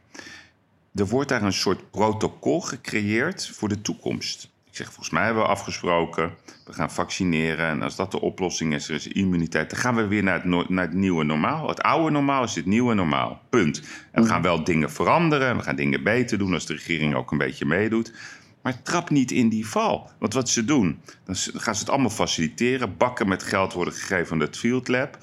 Vervolgens, Erik, gaan we over twee maanden horen wat de resultaten zijn. Vervolgens gaan we over twee maanden horen wat de mogelijke oplossingen zijn. En dan is het al het najaar. Wat een ongelofelijke, trieste, eh, domme zelfs, Erik. En daar, daar ga ik geen vrienden mee maken. Constatering van mensen in het vak waar ik zo ontzettend veel van hou. En dat is mensen vermaken, mensen verbinden. We gaan toch niet ons met een trucje in een valkuil laten leiden. Want zometeen in september wil ik gewoon weer normale beurzen, normale congressen... en gewoon weer naar het voetbalstadion. Maar wat Ja. zij doen, ze gaan wetenschappelijke onderbouwingen zoeken... om straks een nieuw normaal aan ons te geven. Zo had ik het niet gezien, Yves. Ja, ik heb Zo wel. had ik het niet gezien. Trap niet Ja, in de val. Heel goed. Trap niet in Heel de val. goed. Ik wilde pingpongen. Ik wilde, wat, ook vanwege de tijd, Yves. Pingpong, we hebben nog een paar pingpong. Ja, ik, ik, hoef, ik heb geen pingpongpunten meer. Ja, ik heb er Want ik- eentje voor jou. Ja. En dan mag jij mijn laatste vragen. De datacenters in de polder. Wat vind je daarvan? Oprotten of laten gebeuren? Op zo de mieteren met die energieslurpende bakken daar in Noord-Holland. Wegwezen, laat die Amerikanen lekker opzouten met die rommel. Echt opzouten met die rommel. Grote bakken met datacenters erin in Noord-Holland. Allemaal, wij plaatsen windmolens in de, in de Noordzee. Eh, eh, om die dingen met elek- elektriciteit te voeden. Wegwezen met die rommel. Weg, weg, Oké, weg. Staat me gewoon niet aan. Er eens. zijn allemaal wel argumenten voor om het wel te doen. Maar mijn gevoel zegt niet doen. Oké. Yves, wie, laatste. Wie was het familiebedrijf van de week? Jumbo. Ja, Jumbo. Erik. Ik had, eh, maandag had ik eh, Frits van Eert eh, in de podcast. Uitblinken van de week. Hij is de, zeg maar, de baas, de CEO van Jumbo. Ja. Dat is zo'n fantastisch bedrijf. ja. Even heel kort, de geschiedenis ook. Die man, ehm, de oude van Eert, hè, Karel, die is op zijn 58ste had hij zijn eerste jumbootje. Dat bedrijf gaat nu naar een omzet van 10 miljard, hè, dus hou je vast. En ze doen het met een glimlach. Het is één groot familiebedrijf. Ehm, zijn vrouw die werkt er. De, de, de vrouw van, ehm, eh, van de oude Karel die is betrokken. Dat is Kitty, dat is de verbinder. Eh, de Geweldig. kinderen zijn erbij betrokken. Ze doen 10 ongelooflijk... miljard omzet. Ja. 10 miljard. Ja, maar Erik, wat zij ook doen voor de sport. Weet je, zij steunen de schaatsport. Zij steunen de Ja. wielrennerij. Zij, Ja. zij, doen, zij, zij steunen eh, Max Verstappen. Zij, doen ook nog eens, zij nemen ook nog hun verantwoordelijkheid. En het zijn bikkels, het zijn kaardenwerkers. En ze, ze doen het op een manier. Ja, ik zeg je heel eerlijk, ik kan het niet. Ik ben er zo van onder de indruk hoe zij dat bedrijf groter, mooier, leuk maken, betaalbaar ook. En ook, ook zoveel teruggeven aan de samenleving. Dit is echt voor mij een voorbeeld wat ik bedoel met familiebedrijven. Dit is dan een hele grote dit. Maar zij genieten van het werk. Zij doen het met zoveel liefde. Ze doen het met zoveel plezier. Ik neem mijn hoed en ik pak ook jouw hoed, want jij hebt wel een hoed op je hoofd. Ja, We ja. nemen hem af voor. Jumbo. Bravo Jumbo. En, en de luisteraars zou ik zeggen, luister terug naar het gesprek. Het is een ongelooflijk inspirerende man, deze Frits van En Eert. koop, koop uw spullen bij de Jumbo. Wil ik er ook nog eens bij zeggen. En we worden niet gesponsord door de Jumbo. Yves, één vraagje. Heb je dat nog gevraagd van, van, van die naam in Portugal? Met Ja, Ocean? ja, ja, ja, ja, dat ja, heb ik gevraagd. Maar dat, dat bleek een andere Jumbo te zijn. Dus hij zei, ja, ja, hij wist dat. Het, hij zei dat dat niet de Jumbo was waar zij bij betrokken waren. Zie je, zie je wel. Zie je wel. Oké. En toen zei ik tegen hem, ik zei ja oké, maar ik zeg maar E- Erik en ik willen een supermarkt openen in de Algarve. Toen zei hij ja nee oké. Hij zegt maar we gaan eerst België doen en Frankrijk en dan misschien Spanje en daarna komen we naar Portugal. Dus jullie moeten nog even Ja. wachten. Hij moet gewoon de licentie aan mij geven in Portugal. Ja, nou, we, gaan het nog een keer proberen. De Manolev Ja. Award. Ja, Yves, Yves, ik heb een hele verrassende. Oh. Ehm, ja, ik, ik heb, we hebben, het- ja, goed, je kan die rechten nemen, mevrouw uh, Tanden zonder wiel. Maar ik, eh, ik, ik vind Baumkartel van PSV. Nee, ga je nu ons concept kapot maken? Eh, eh, eh, Baumkartel van PSV, ik, die, die, bij 2-2 die beslissende fout maakte. Ja, Ja. dat is zo een armoedige voetballer. Die, die, dit is niet normaal. Ja, hij is wel goed. geestig. Hij is wel geestig om de Manolev Award aan Baumgartel te geven. Ja, dat vind ik eigenlijk wel. Want, Hij Ja. verdient hem ook. Ja, maar ja, hebben we niet Ja, een andere? ja. Ik zit even te denken, Erik. Wie zouden we nog meer de Manolev Award kunnen geven deze week? Dat we echt denken, wat een... Wat De een Rabobank om in die vlees. eh, eh, eh, Nou ja, wat, wat, wat dacht je van Tuna Honkoes? Tuna, Tuna Han Ja, ja, ja, die, Die Mark. Rutte een dictator dicta- noemde. Ja, ja, die krijgt Terwijl hij alles, als, elk, als er een, een, een stemming komt in de Kamer over het veroordelen van dictator Erdogan in Turkije, dan stemt hij als enige tegen met, met, met Denk. Ja, ik ben het mee eens. Kijk, we kunnen heel kritisch zijn op, eh, op, op Rutte. Maar het woord dictator, nee, nee, nee, dat gaat te ver. Ja, dat gaat te ver. Dus, Dus Kuzu, lieve- Kuzu kan lieve mij de, de Award krijgen. Ja. Ja. die krijgt hem op Twitter uitgereikt. Dus Hartstikke bij idee. deze, Bij de deze eh, moeten we even de jingle. Hartstikke idee. De Manolev Award. Hey, nou dus we hebben het mooi gedaan, met eh, anderhalf uurtje. Eh, we gaan het even hebben over de Great Reset. We gaan even uitleggen wat er gebeurd is. Ehm we hebben vorige week experiment gedaan. ehm, omdat we uiteindelijk die beweging hè, groot willen maken. De kapiteinenlijn. Nou, De kapiteinlijn. Ja. Dus we hebben ons werkelijk waar de tyfus gewerkt eh, Ja. om, om, om, om dat ding op te zetten. Om het, met name Jossie heeft geweldig uh, werkzaamheid. Het hele team ook onder leiding van. Leonie Kracht. Nee, maar we, we hebben Ja. een heel mooi team. Ja. ja, ja, en, en het was geestig, want ik moest naar BNR. En toen bleek dus dat die convertering niet klopte. Dus helemaal stress hier, nou, noem het allemaal op. En toen gingen wij om vijf uur live. En toen ging het de hele tijd ping, ping, ping, ping, ping. Ping was dat elke keer iemand 5 euro overmaakt. Ja, ja, het is niet Leuk. zo. Falcon, eh, ja. Denk je dat de Falcon... Kunnen we Falcon kopen nu? nou, ik denk dat het nog, nog steeds een bouwpakket wordt van karton hoor, Yves. Ja, tweedehands. Dus mensen moeten niet denken dat we ons zak aan het vullen zijn. Nee, maar het gaat om de beweging. Ja. Kijk, wij willen, wij willen natuurlijk een hele vooruitstrevende beweging neerzetten van mensen die gewoon bij ons komen erin. En daar gaan allemaal dingen aan hangen. We gaan een opinie, een goed opinie. Als er nou tienduizenden mensen lid zijn, honderdduizenden mensen, laat ik nou eens optimistisch zijn, gaan wij een opiniepanel maken. Dit houden we aan tegen al dat één vandaag opiniepeilingen waar 2000 mensen Precies. maar wat mogen zeggen. We gaan cadeautjes geven. We gaan, we gaan de, de uitblinkers komt erop. De, onze podcasts komen erop. De specials komen erop. Ehm, we gaan vernieuwend bezig. We willen Geirat en de Vlieger, het 1 tweetje met Yves, de podcast, whatever, wordt eigenlijk gewoon de kapiteinenlijn. Exact. Iedereen die lid wordt bij ons, die wordt een kapitein. Ja. Die wordt gehoord en die kan zich binnenkort ook ja, kenbaar maken dat hij lid van lid, dat hij, dat hij een kapitein is. Met, Ja. met spullen die we aan hun gaan geven. Ja, nee, dus, dus wat, maar het was wel spannend, weet je. Ik bedoel, eh, ja, we waren gewoon even benieuwd, hè. Gaan de mensen reageren? Nou, het, het, het explodeerde. Ehm, Ja. ja, zelfs de site viel eruit. Wij zeiden Ja, meteen, mooi, oh, het is een DDoS-aanval, hè. Maar het was gewoon te veel. BVD. Ja, maar we zaten... AIVD. Nee, maar even eerlijk, het is ook gewoon leuk om daarover... Wij zeiden tegen elkaar, oh shit, het is zoveel traffic. Zullen we zeggen dat het een DDoS-aanval is? Maar dat zeiden we tegen elkaar. Nee, we gaan niet liegen. Nee, dat gaat niet liggen. Nee, dus wat er gebeurde. En het ging het hele weekend maar door en door. Dus wat we Ja. gezegd hebben. Het was heel duidelijk ook tegen alle.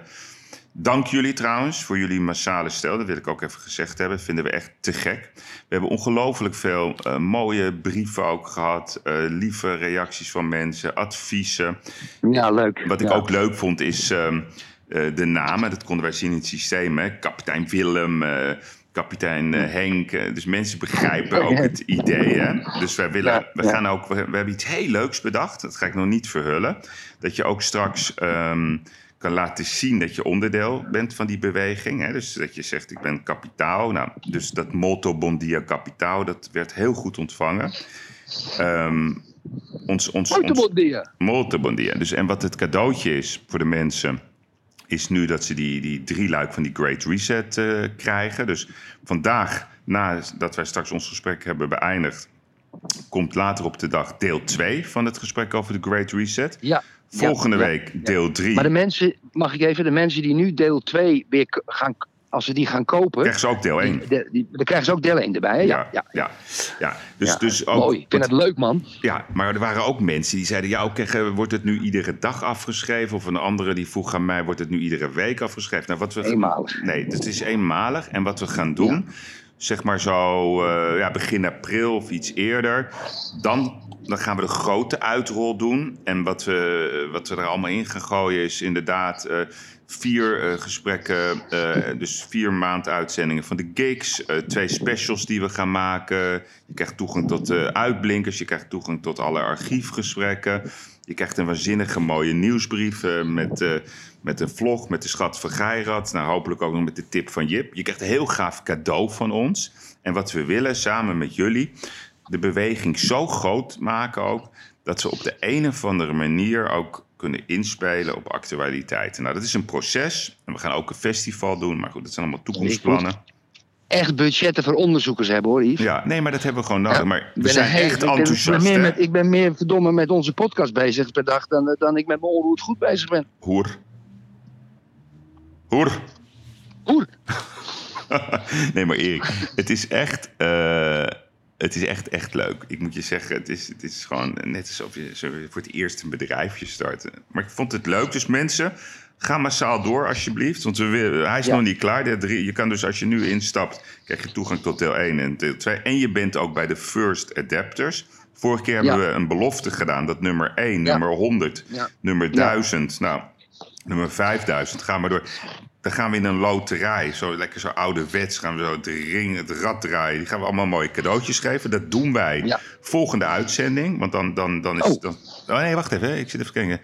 Of nee, die week daarop, dan gaan we de prijzen weggeven. En dan maken we Ja. ook onze grote plannen bekend. Dus dank jullie wel allemaal. Eh, we hebben er zin in. Het motiveert ook ons, hè? Want dat is toch leuk, succes. Laten we eerlijk zijn. Zeker, zeker, zeker. Dus we gaan daarmee door, eh, grote vriend. Dus het is, eh, we hebben het mooi op, op tijd gehouden. Wat ga je doen? Ja. Ik heb een afspraak met een makelaar om half één. En dan heb ik een drie uur heb ik een afspraak met tuinmannen die in een resort een vrij grote operatie moeten doen. Als het gaat om bomen weghalen, et cetera, et cetera. Dat is een man of zes. En met de manager van tuinen. En dan gaan we dus goed bespreken hoe we dat gaan doen. Ook dat doe ik soms. Vind Oké. ik even in dit geval belangrijk. Nou, lekker man. Voor de rest fijn weekend gaan we vieren, rustig aan. Dus, ik kan toch nergens naartoe.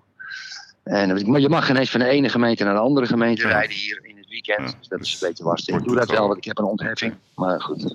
Yves, lieve vriend, ik wens je een ongelooflijk fijn weekend. Ja, We zullen elkaar nog wel spreken. ja. En, eh, dinsdag eh 9 uur Nederlandse tijd eh, zie ik je in Clubhouse. Ja, dinsdag 9 uur. Ja. ja. Ja. En, en, en, en doe nog een oproep. Want iedereen ook die mee is, die gaan we ook toe, in de toekomst toelaten tot Clubhouse. En we, we zijn trouwe mensen, dus ook eh, de early adapters, die onthouden wij. Ja, ja, Ja, dus eh, ont- we, we, we go on. Nou, heel goed. Ik ben vrolijk, Erik. We hebben, we hebben een mooie... Dit weekend, ik ga lekker balletjes slaan. Het wordt mooi weer, heerlijk. Zin in. Lekker, lekker. Oké. Gaan we FaceTime als je op de baan staat, oké? Ja, is goed, jongen. Oké. Alright, Yves. Hoi, Fijne hoi. dag. Bye bye, bye bye. Dank voor het luisteren. Dit was de Gigs van deze vrijdag. Wij gaan door met een speciale uitzending van The Great Reset, deel 2. Dat is voor de kapiteinen die zich hebben aangemeld. Wilt u ook kapitein worden? Ga dan naar onze website yvrijrad.nl. Dan kunt u zich aanmelden en dan kunt u ook luisteren naar deel 2. Als u daar geen zin in heeft, dan wens ik u uiteraard een heel fijn weekend toe en een prachtige week. Volgende week, dan zijn we er weer met de gigs. En komende maandag, dan ben ik er met een nieuwe uitblinker. En dan ga ik onder andere de verkiezingen bespreken. Nogmaals, dank voor het luisteren en tot volgende week.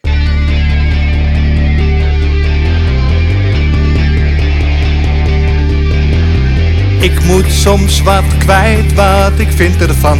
Littekens en jeuk, koester ik maar dan.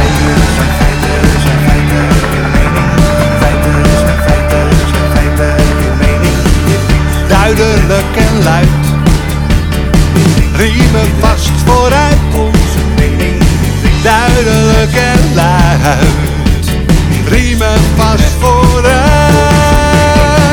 Geiraat en de